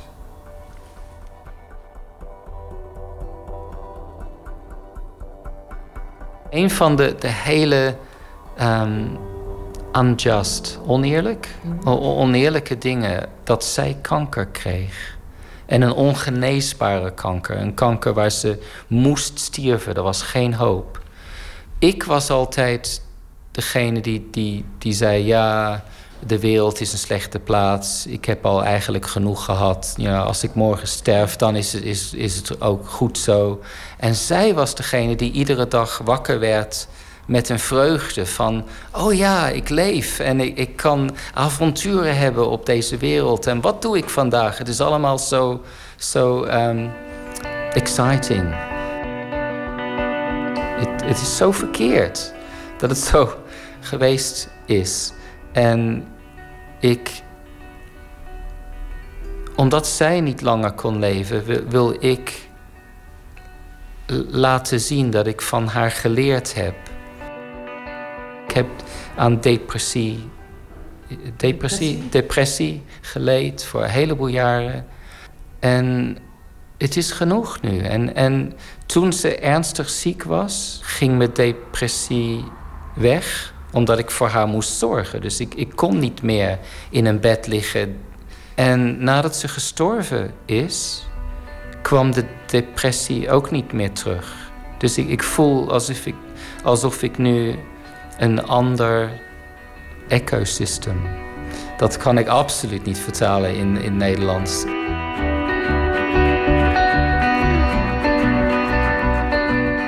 Het was groot nieuws in 2014 in de literaire wereld. Michel Faber kondigde vlak voor het verschijnen van zijn laatste roman in 2014 aan dat dat ook meteen zijn laatste zou zijn. Dat had hij al tien jaar eerder voor zichzelf besloten. Hij had alles gedaan wat hij kon, vond hij zelf. En de ziekte van Eva maakte zijn besluit alleen maar definitiever. Ze las alles wat ik schreef en gaf me heel goed advies. En nou, dat, dat gebeurt niet meer. Dat is, dat is nu over. Ik zou verbaasd zijn als ik, als ik nog een ander boek voor volwassenen zou schrijven. Maar ik wil wel een, een roman of een romantje, uh, een, kort, een, een kort roman schrijven voor kinderen, voor jongere lezers. Misschien tussen de leeftijden van 9 en 14, zoiets. Uh, en daar ben ik op het ogenblik aan, aan bezig. Ik wil ook leven, want een schrijver zit in een, in een kamertje en maakt kunst. En dat is een heel eenzaam bestaan. Ik wil graag genieten van, van een, een wees zijn, een, een creature. Want we hebben niet lang op, op, op deze wereld. Al de fabers, de, de mannelijke fabers in, in mijn gezin, zijn heel jong gestorven. Ik geloof niet dat er een mannelijke faber geweest is die langer geleefd heeft dan uh, eh, 59. En ik ben 56. En dat betekent niet natuurlijk dat het op mijn 59 verjaardag dat ik, dat ik doodval. Maar ik kan ook niet vertrouwen dat ik 80, 90 word.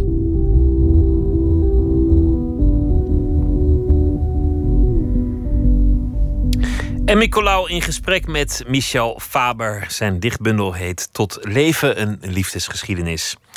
Afgelopen jaar verscheen na tien jaar stilte een nieuw album van Bauer. Het eh, project van muzikant Berend Dubbe. En eh, van dat album draaien we The Alchemist.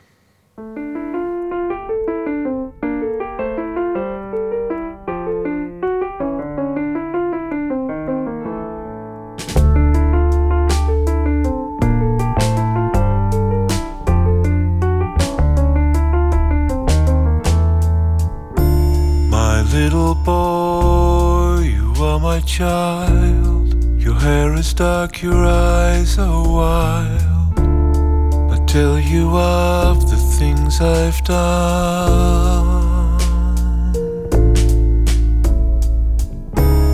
I visited an alchemist in spring.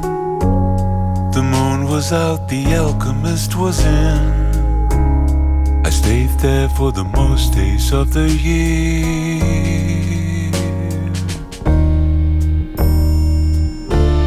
Now I am home with you, my friend. I tell you what she recommended. Don't wait too long for things to come. There might never be another one. Cause after 20 years, she'll settle down in a pretty little quiet northern town. I'm still around, that's me. You mean more than my life to me.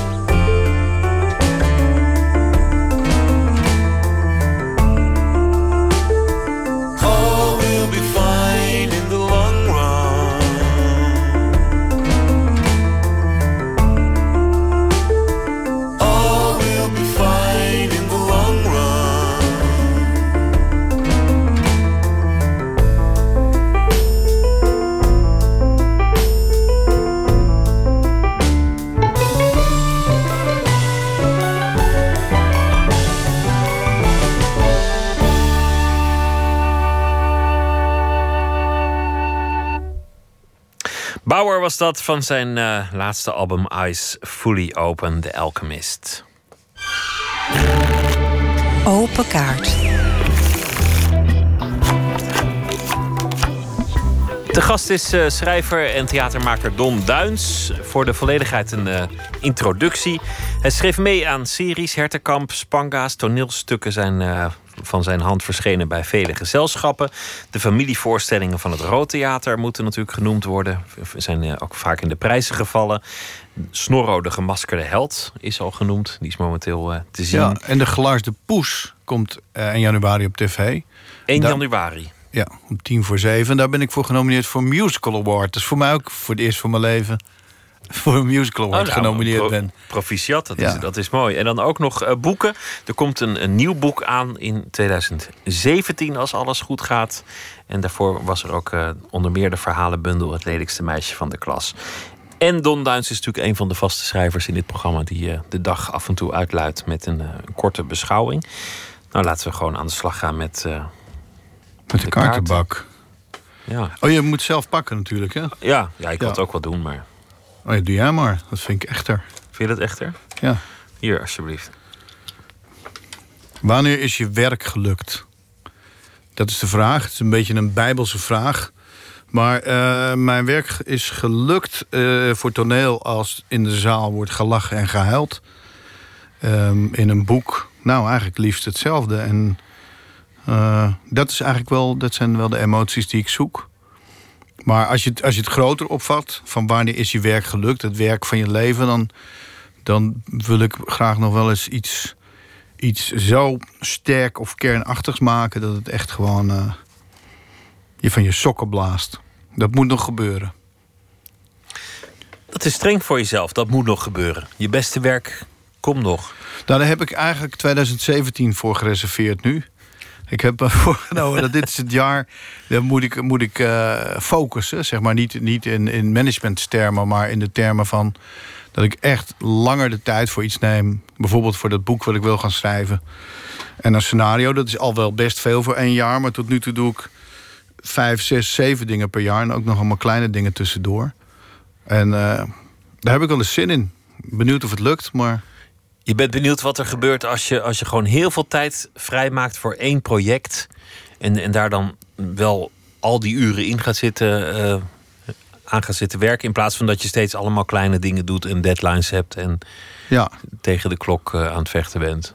Ja, en dat is wel eh, natuurlijk een mooie sport. En dat, dat, dat lukt ook wel. Maar ik ben inderdaad benieuwd wat er gebeurt als al mijn aandacht zo naar één ding gaat. En misschien wordt dat ding wel verschrikkelijk. Maar Wat wordt laat het? ik het eens proberen. Dat is de roman, het ding. Dat is de roman en een scenario dat ik nu De Woede heb getiteld. Het boek heet nu Winterboek. Dus het zijn op zich allemaal wel ja, dingen om echt beet te pakken.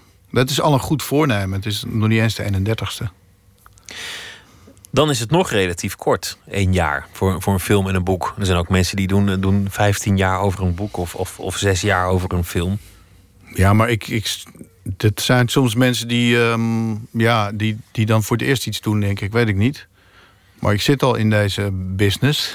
Ik zit al Je bent ervaren, je weet wat je doet. Ja, voor mij voelt het als wel lang. Maar goed, dan moet ik wel zorgen dat ik ook echt de tijd daaraan besteed. En niet aan eh, tv-series kijken en lanterfanten. Er mag wel tussendoor een keertje.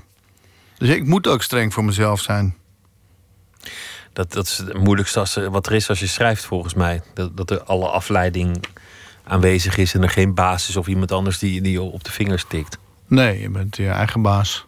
Dat is het leuke van dit beroep. Het leuke, maar dat vergt discipline. Hier. Ja, ja, pak maar weer. Oh ja, oh ja, ik pak ze dit keer. Ja. Welk bedrog is je sterk bijgebleven? Ja, het, het bedrog uit mijn jeugd dat me het sterkst is bijgebleven... is dat ik kauwgompjes moest jatten uit een SRV-wagen... voor iets oudere jongetjes. En ik denk, ik, kan, ik denk dat ik zes was of zo. Er was een ruitje kapot. En ik, eh, of het was niet eens een SRV, het was een kleiner nog eh, wagentje. En ik had toen allemaal van die... Van die, van die eh, hoe heet het, bubbelusjes, van die, van die kauwgom gepakt voor die kinderen en die, die jongetjes. En die zaten daar met meisjes. En toen gaf ik het aan hun en toen zeiden ze, nou, ga maar weer weg. Toen voelde ik me heel erg bedrogen. Je hebt natuurlijk liefdesbedrog. Maar dat we niet op ingaan. Maar dat, ik, ja, ik noem het niet voor niks het eerste. Dat is blijkbaar toch... Het eerste bedrog, het oerbedrog. De eerste keer dat, dat je duidelijk werd dat mensen zo oneerlijk kunnen zijn. Ja, en ook dat ik dacht dat ik bij die groep kon horen... als ik die, die, die wan misdaad zou plegen. Dus dat, ik wist dat het slecht was om die kauwgom te stelen. Maar ik deed het om bij de iets oudere jongens en meisjes te horen. En eh, dat, dat mocht niet. Dus daar heb ik wel iets van geleerd. Dat Namelijk wel. dat je nooit bij een ander moet willen horen... of dat je nooit te diep moet buigen voor, eh, voor, voor gezag.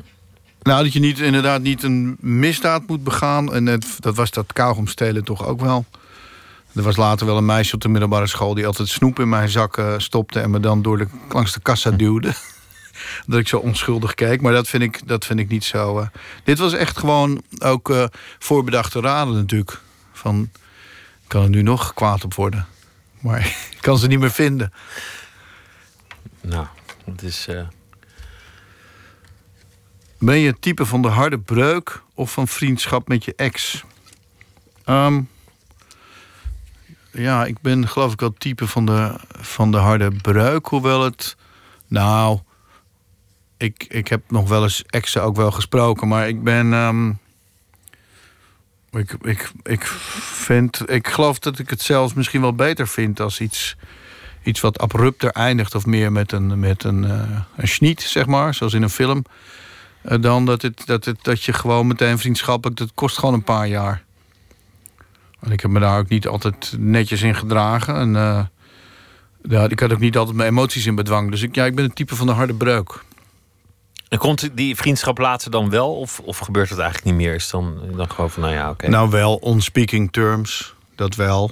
En, maar mensen die echt heel vriendschappelijk met hun ex zijn... en dan ook misschien nog met die ex en met hun huidige partner op vakantie gegaan... dat begrijp ik niet helemaal.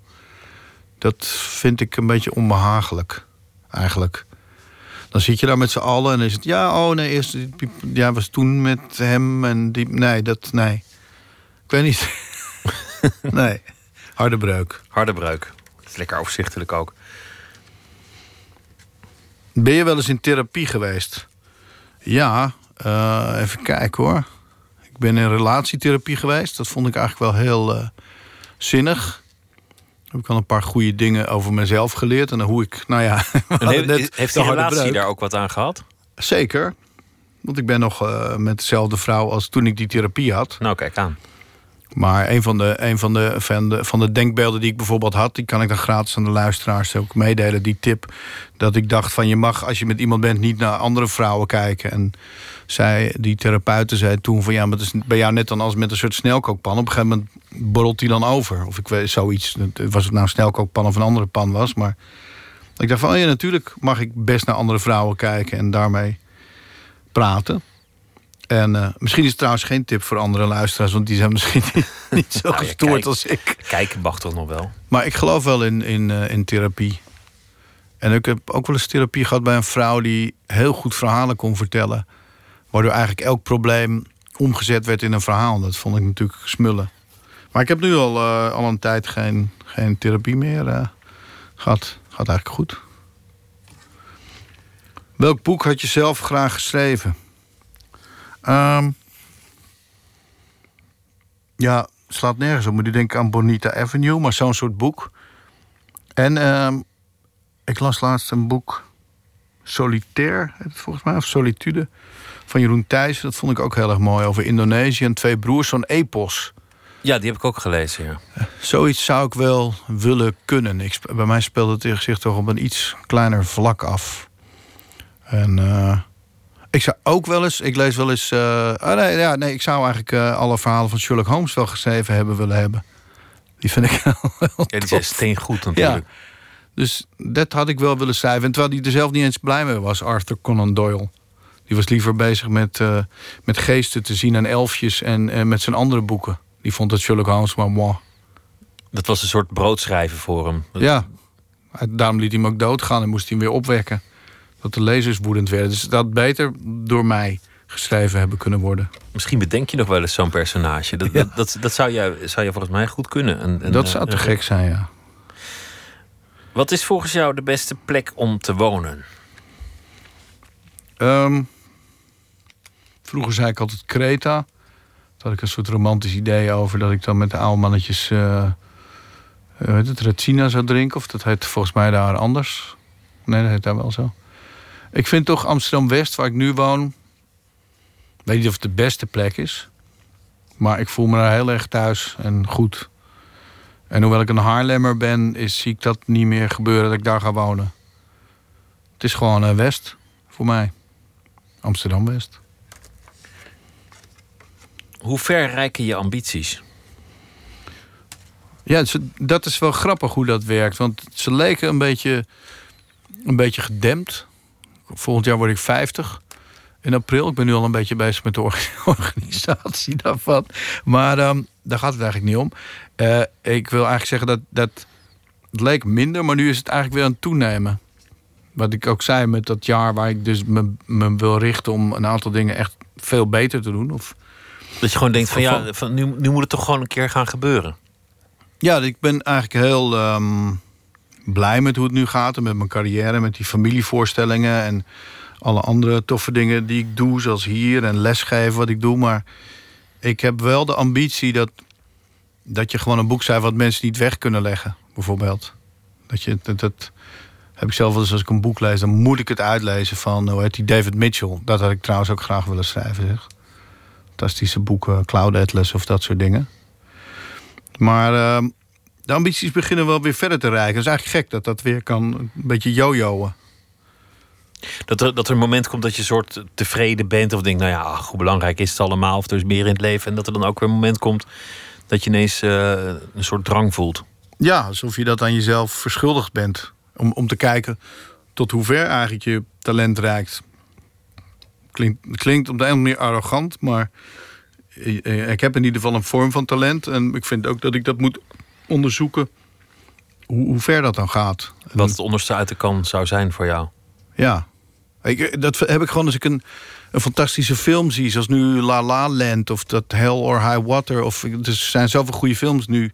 Of een hele goede voorstelling. Of, of een boek lees wat ik inderdaad echt niet weg kan leggen. Ik denk, zoiets wil ik één keer doen. Dat mensen niet, niet het alleen maar, maar aardig of leuk of gezellig of, of mooi vinden. Maar het echt is... Uh, ja, dat je ze echt gewoon pakt en niet meer loslaat. We zullen zien. We zullen zien. We doen er nog één. Wie zou je willen zijn? Mezelf. Saai antwoord, sorry. Gewoon Don Duins. Yep. Het is goed zo. Dank dat je te gast wilde zijn. En ik uh, kijk uit naar het nieuwe jaar en de verhalen die je zult schrijven voor ons. En het boek dat je gaat maken. Dankjewel, Don Duins. Het gaat goed met uh, de Nederlandse artiest die zich uh, Mr. Probs noemt. Hij heeft succes in de Verenigde Staten. Onder meer met deze single Fine As Mess.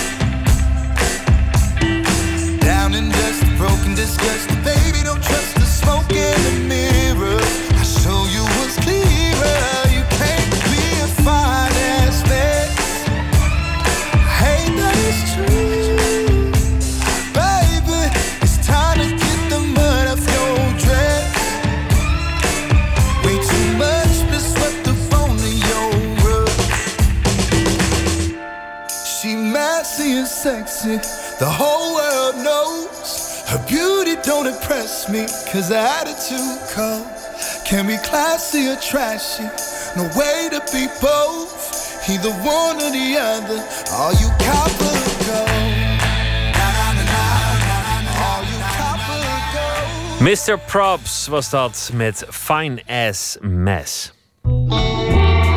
Nooit meer slapen. Kunstcriticus Merel Bem gaat bijna dagelijks naar uh, een museum, want ze schrijft voor onder meer de Volkskrant over beeldende kunst en fotografie. Toch duurde het lang voordat ze zelf ooit echt werd geraakt door de kunst. Dat gebeurde pas toen ze het leerde linken aan persoonlijke herinneringen. Daar gaat het boek Doorkijken over. Ze schrijft over alle keren dat het haar hielp in het eigen leven om kunst te waarderen. En omgekeerd hoe kunst hielp om het dagelijks leven behapbaar te maken, et cetera. Klinkt allemaal een klein beetje zweverig, maar dat geeft niet. Onze verslaggever Tjitske Musche die ontmoette de schrijfster bij De Notenkraam.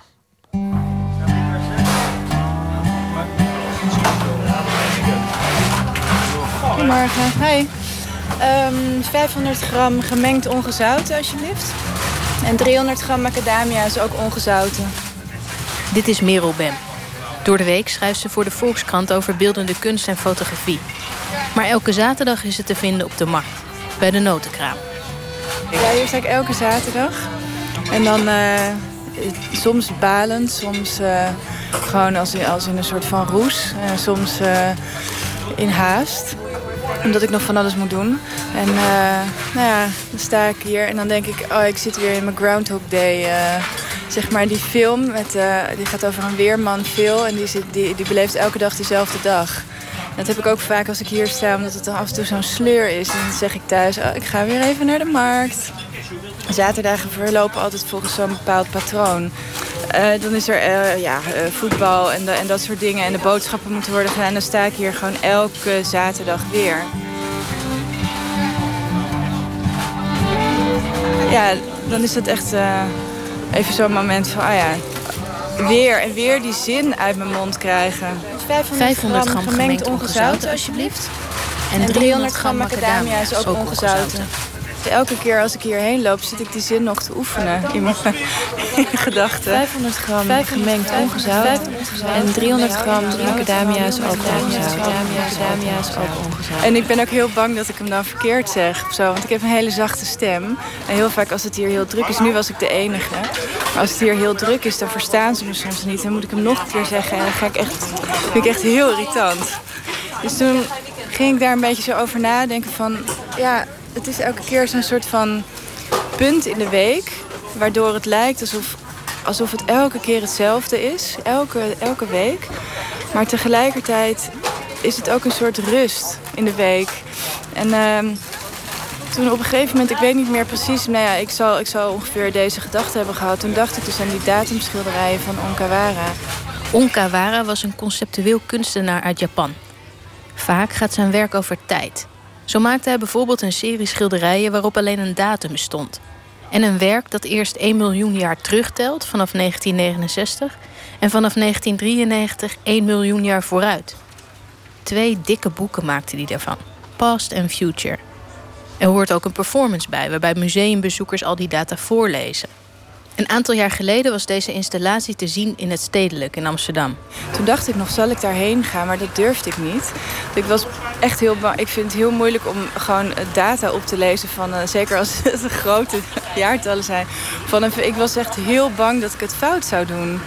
En uh, um, ja, dat ik die hele performance zou verpesten. En toen dacht ik, joh Eigenlijk sta ik dat elke zaterdag zelf te doen bij die notenkraam. 500 gram gemengd ongezouten alsjeblieft. En 300 gram macadamia is ook ongezouten. Ja, Onkawara denkt, heeft zijn hele leven lang kunst gemaakt. Die gaat over het vlieden van de tijd en het, ja, de vergankelijkheid. En hij, is, hij, is, hij is al overleden, een paar jaar geleden. Maar hij stuurt nog elke dag via een, uh, een robot stuurt hij een tweet uh, de wereld in. Dus elke dag zegt hij I'm still here, luidt volgens mij die tekst. Die krijg ik ook elke dag. Ik kijk er niet elke dag naar. Maar hij is dus heel erg bezig met... Ja, de, tijd gaat voorbij, maar je blijft eigenlijk nog steeds een soort van bestaan. En um, dat, dat is gewoon wel heel mooi. En dat idee had ik dus hier eigenlijk ook elke zaterdag. Ja, het heeft iets meditatiefs of uh, iets zweverigs misschien wel. Maar eigenlijk is het wel heel fijn. Elke zaterdag als ik hier sta, denk ik sinds, sinds ik dat stukje heb geschreven... ook echt aan Omkawara. Het idee, het idee alleen al is gewoon heel opbeurend. Dat je hier niet elke week weer zullig staat met je boodschappentasje. En uh, ja, weet je wel, gewoon de sleur van zo'n zaterdag. Die, die wordt daar wel iets minder door, moet ik zeggen. Als ik hier sta, denk ik, ja, maar ik, ik, uh, ik, ik sta hier nu. En uh, ik, ik, ik, ik ben er weer. En uh, weer een week voorbij. En nou, zo gaan we verder. Merels boek Doorkijken staat vol met korte beschouwingen over hoe kunst haar met andere ogen naar haar dagelijkse beslommeringen heeft doen kijken. En omgekeerd, hoe persoonlijke ervaringen en herinneringen haar blik op de kunst hebben veranderd. Al die kennis die je hebt, die, die zit wel ergens, maar die heb je niet per se nodig om je te kunnen verhouden tot een kunstwerk. En dat, dat was echt wel heel fijn om dat uh, idee op dit boek los te laten. Dus dat je vanuit je eigen ervaringen en je eigen associaties en alles wat je hebt meegemaakt. Uh, iedereen maakt van alles mee de hele dag door in zijn leven. Dat hoeven helemaal geen grote dingen te zijn. Maar dat je, dat je op die manier met een kunstwerk kunt bezighouden en kunt associëren en zo iets over dat kunstwerk kunt zeggen. Dat vond ik een hele fijne manier. De eerste keer dat ze dit ervaarde was toen ze, al lang en breed afgestudeerd als kunsthistoricus, een kunstwerk van Sophie Kal zag. Daarvoor achtervolgde Kal een onbekende man. Zelf had Merel Bem als kind een detectivebureau. Als je iemand achtervolgt op straat die je helemaal niet kent, dat is hartstikke spannend. Zeker natuurlijk als je kleiner bent. En zij had blijkbaar dat, was daar altijd mee doorgegaan. En dat vond ik zo geweldig. Want daarvoor waren kunstwerken altijd, daar, daar moest je iets mee of zo. Weet je wel, dat. dat je moest het bestuderen, je moest er teksten over lezen. Of ik, ik vond het gewoon soms ook gewoon mooi of gewoon soms uh, spuuglelijk. Of, of ik kon er helemaal niks mee. Maar dat was het dan. En dat was, voor, dat was eigenlijk voor het eerst dat ik inderdaad vanuit mezelf, dus iets wat ik zelf had meegemaakt, kon in, dat voelde ik echt. Dat was wel voor het eerst dat ik uh, iets kon uh, verklaren, een kunstwerk. Ja, aan de hand van mijn eigen ervaringen. Merel Bem pleit dus voor de autobiografische blik. Gebruik je eigen leven om je een kunstwerk als het ware toe te eigenen. Om het in je hoofd en hart te laten nestelen... in plaats van dat je er als een zombie langsloopt in een museum. Ik heb ook zo'n werk in het Stedelijk Museum in Amsterdam. Uh, dat is een vrouw op een sofa, die ligt op een, op een, op een bank. Geschilderd door Jean Brusselmans in de jaren dertig. En die vrouw die heeft me vanaf het eerste moment dat ik haar zag gewoon gegrepen. Terwijl ik wist helemaal niks. Ik, ik kende eigenlijk... Misschien kende ik één werk van Jean Brusselmans... of had ik wel eens van zijn naam gehoord, weet je. Maar ik wist eigenlijk helemaal niet wie hij was. Alleen doordat dat werk zo bij mij binnenkwam... en daar hoef je echt geen kunstgeschiedenis voor gestudeerd te hebben. Weet je, dat kan iedereen gewoon zien. Dat het mooi is, of, of dat die vrouw je misschien aan iemand doet denken... of dat je haar jurk heel mooi vindt, dat vond ik in eerste instantie. En hoe ze daar ligt op die bank, een beetje zo stijfjes... maar hele grote boezem en echt zo'n volle vrouw... die daar ligt als een soort zeemiermin... En zegt, uh, kom maar even bij me zitten, weet je wel. Blijf maar even rustig. Dat kon je gewoon meteen zien. Daar hoef je helemaal niet zo heel veel kennis voor te hebben om dat te zien. Wanneer denk je aan haar, zeg maar los van wanneer je in het Stedelijk Museum bent? Ja, best vaak. Ja, ze zit wel, zij is echt... Uh, ja, zij zit echt in mijn hoofd. Ik, ben, ik heb de neiging om mezelf snel op te draaien. En dan uh, denk ik aan Marie. is het niet veel gewoner om een liedje of een gedicht of zo heel erg te gebruiken voor troost. Of dat wordt sneller persoonlijk dan een beeldend kunstwerk. Ja, ja dat, dat kan.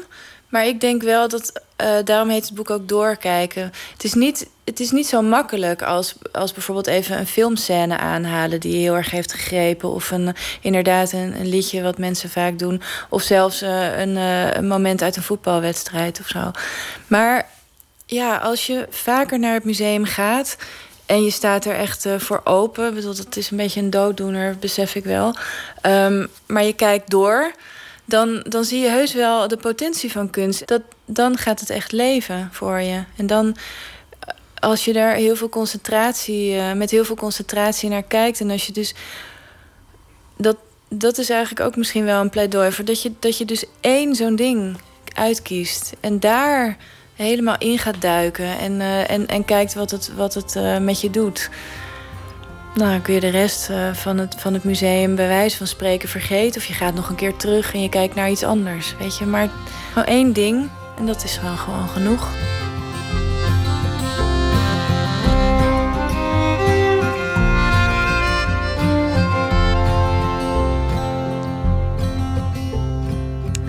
Tjitske Musche was dat in gesprek met Merel Bem. En de titel van het besproken boek is Doorkijken.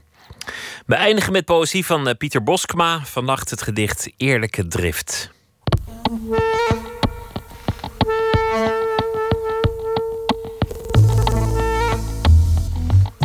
Dit gedicht, Eerlijke Drift, is een beetje een uh, grimmig gedicht. Niet ieder gedicht ontstaat uit lyrische vervoering of algemeen enthousiasme voor een bepaald onderwerp. Soms ontstaat het uit ergernis of woede.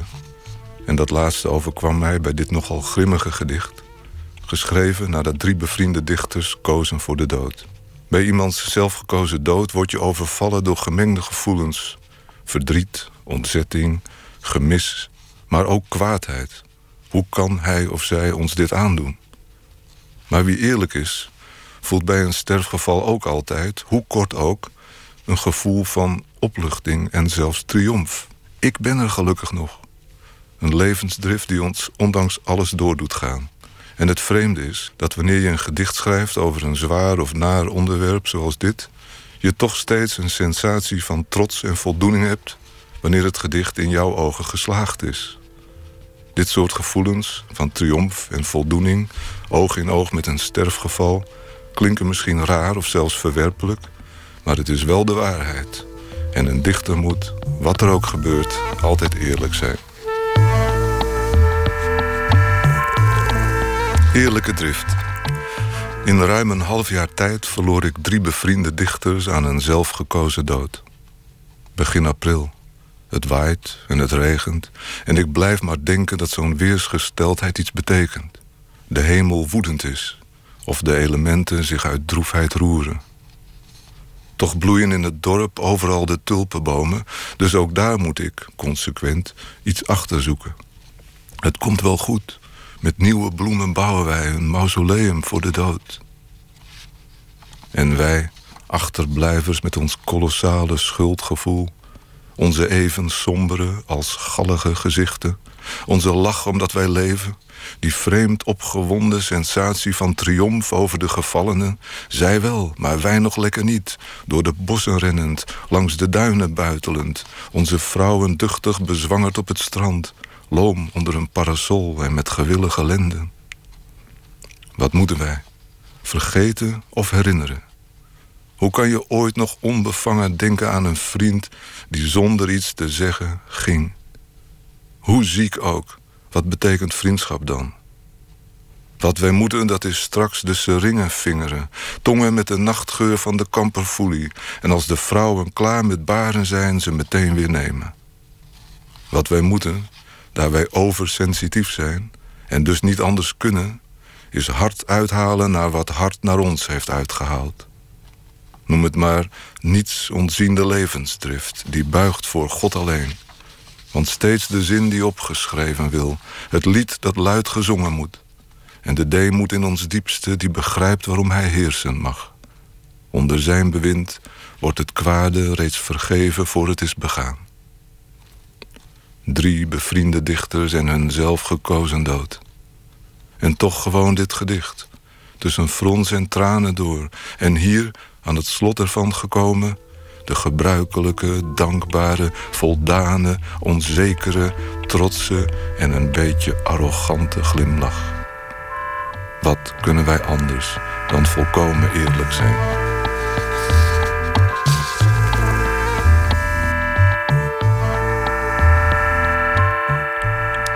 Pieter Boskma met het gedicht Eerlijke Drift. Morgen in Nooit meer slapen zit hier Esther Naomi Perquin. En uh, zij gaat in gesprek met Kim van Kooten. Afgelopen jaar schreef hij een uh, debuutroman, Lieveling. Werd meteen genomineerd voor mooie prijzen. De Libris Literatuurprijs, de Opzij Literatuurprijs. En we gaan terugblikken met Kim van Kooten op het jaar 2016. En Ivo Victoria komt op bezoek. En hij heeft een uh, beschouwing geschreven over zijn 2016. Dat allemaal morgen in Nooit meer slapen wens ik u voor nu een hele goede nacht. En morgen een leuke dag. En graag weer tot dan. En zometeen op NPO Radio 1 kunt u luisteren naar De Nachtzuster. Een hele goede nacht.